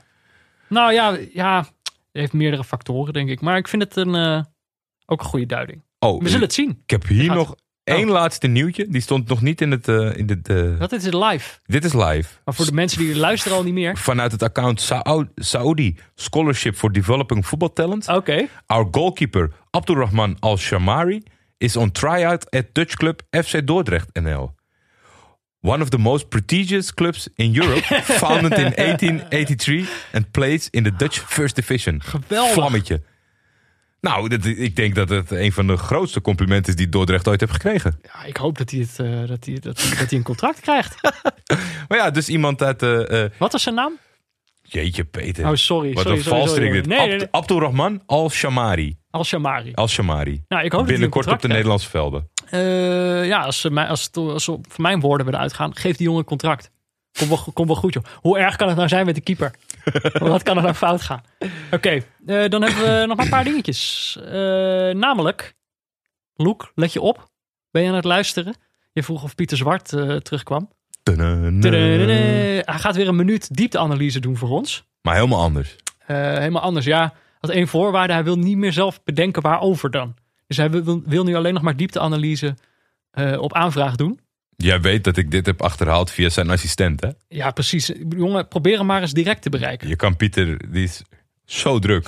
Ik vind je echt heel leuk voor hem. Maar ja, de, de- weet je, bel je hem en dan krijg je zo'n... Als je belt, dan kan je toch wegdrukken dat je een bericht krijgt. Dan krijg je Ja. al zo'n sms'je van Pieter. Mhm. Bel even de assistent. Oké, nou gaan we weer. Maar jij had, eh, jij had al iets Ik bedacht. heb hem wel zover gekregen, maar dacht- dan moeten we hem een beetje helpen. Jij had al een vraag voor hem. Ja, ik denk eh, eh, de eerste week... eh, wat het viel mij op in... in naar de wedstrijd toe, Chelsea-Liverpool. Mhm. Chelsea die eh, op papier 4-2-2-2-2. Dat- Ja. Dat ziet er op papier... eh, Ziet, het er, eh, ziet het dom uit. Dan denk je, kijk nou uit met die flanken. Het is zo leeg aan die Ja. zijkanten. Zo heel leeg. En ik dacht, ik kan mij mega goed verplaatsen in de leek. Want ik, ik heb altijd veel, veel duiding nodig rondom tactische analyses. Of Mhm. diepteanalyses. Dus ik dacht tegen Peter, Tegen Pieter. Of tegen mij. Het tegen mij? nu tegen jou, maar eerder vandaag tegen Pieter. Oké, ja. Van, eh, eh, wat is nou feitelijk het verschil tussen 4-2-2-2 en 4-4-2? Ja, want 4-4-2 vind ik er normaal uitzien. Ja. En 4-2-2-2. 2-2-2 vind ik raar. ja, en als je gaat kijken, zijn er nog steeds vier middenvelders. Dus help ons. Ja. Kijk een pressing. Kijk een pressing. Wat is het verschil tussen 4-4-2 en 4-2-2-2? Het korte antwoord is niet veel. Sterker, verdedigend lijkt een 4-2-2-2 in sommige situaties op een 4-4-2. Zoals een 4-4-2 aanvallend juist verandert in een 4-2-2-2 als de buitenste middenvelders naar binnen komen. Dus is er geen verschil? Dat is te kort door de bocht. Een formatie bestaat alleen op het tactiekbord, maar achter de 4-2-2-2 zit vaak een concept dat verder gaat dan dat. Namelijk de tegenstander naar de flank dwingen, zodat je daar massaal druk kan zetten. Om dit te laten slagen heb je vroeg veel spelers in de as nodig. Dus starten de buitenste middenvelden centraal, in plaats van aan de zijkant. Weet je nog dat Duarte steeds de bal kreeg als linksback van Ajax tegen Red Bull Salzburg? Dat kwam omdat Mané centraal begon en dus de pas naar hem uitlokte. Dat mag je van mij ook 4-4-2 noemen. Want het principe is belangrijker dan de cijfercombinatie. Kijk een pressing. Een pressing. Nou, Nu snap ik het. duidelijk verhaal. Heb Nu je snap ik het. ook oplossingen nodig Ja, wil voor jij tactische iets... vraagstukken? Ja, zoek jij iets wat eh, in de diepte geanalyseerd moet worden in één minuut? Ja, Kan je dat... eh, nou, ik denk op Vriend van de Show. Kan je dat laten weten? makkelijkst. Dat is het makkelijkst. Het Misschien kan je leukste zelfs, met een audiobericht. misschien zelfs een audiobericht. Als dat kan, jongens. Ik, ik volgens mij kan dat. Dat zou ik het allerleukst vinden. Heb je echt zo'n vraag en antwoord. Ja, ik zou dat ook heel leuk vinden. Eh, maar anders kan je natuurlijk ook mailen of tweeten. Ja. Ja, liever niet. Ik weet niet of je er dan doorheen komt. Nee, dat- want het is super druk. Dan moet je onze assistent moet je dan hebben. Eh, dan moeten we alleen nog wat administratieve dingetjes. Namelijk volgende week gaan we ook weer een wedstrijd kijken. En we hebben er eentje. Deze bestond nog niet toen we, het, toen we dit seizoen aan het, aan het plannen waren. En wat voor een. Ja, Barcelona, Villarreal. Villarreal. Eh, ja, ik dacht dat is leuk. Een team in verval. Barcelona, dat is natuurlijk nu wel... Het verval is al jaren bezig, maar nu stort het in. Ik hoop dat ze nog spelers hebben volgende week. Eh, en eh, Villarreal is natuurlijk een opvallende club, omdat die hebben Valencia leeggekocht. Die Ja. hebben de uitverkoop van Valencia hebben zij flink van geprofiteerd. dus die zijn dan opeens... Die waren natuurlijk een tijdje groot. Ja, Met mooie gele shirts. en met bijvoorbeeld Dani Parejo. Dat is wel echt zo'n toevoeging. Dat ze misschien wel weer een knipoog naar het verleden kunnen maken met Ja, Champions League, eh, Europa League. Meedoen in de top. Dus eh, Benieuwd. eh, hier staan de verhoudingen weer op scherp. En Barcelona heeft ook nog niet gespeeld op het moment van spreken. Dus we moeten maar kijken wat voor wedstrijd dit wordt. Ik heb er in ieder geval wel zin in. Nu kun je op me vertrouwen. Op dit moment zeggen ze dat die wedstrijd op zondag 27 september om 5 uur wordt gespeeld. Dus als je wil meekijken, schakel dan in. Ehm, ja, heb je ideeën over die wedstrijd? Dan kan je ons natuurlijk mailen. neutralekijkers.gmail.com Eh, ja, je kan, je kan tweeten, je kan alles doen. Toch, vriend van de show? Ja. Stuur berichtjes. Mag allemaal. Allemaal. Oké. Neutrale Kijkers is mede mogelijk gemaakt door Dag en Nacht Media. De hoofdsponsor op de borst is nog altijd Auto.nl. De muziek is Tachanka van Leon Lischner en Friends. En een adaptatie daarvan van Studio Cloak. En de artwork, onze twee hoofdjes die je ziet, zijn getekend door Barry Pirovano. Wil je meepraten? Zei ik net ook al. Dat kan. Je kan ons volgen op Twitter via buurtvader of @defef. Je kan ons mailen op of neutralekijkers.gmail.com. Of je kan natuurlijk vriend van de show worden. Doe dat vooral met een kleine donatie via vriendvandeshow.nl slash neutrale kijkers. Grote donatie. Eh, je krijgt daar updates over de podcast. Of je kan dus een spraakbericht insturen. En in de toekomst kan je nog veel meer als je vriend van de show bent. Eh, volgende aflevering dus Barcelona, Villarreal. Geef ons redenen om ze te haten of om van ze te houden. Eh, en verder, hou afstand. Eh, hou je bek. Heb ik ook begrepen. en eh, blijf neutraal. En dan zijn we de volgende week weer. Tot dan, Jordi. Tot dan, Peter.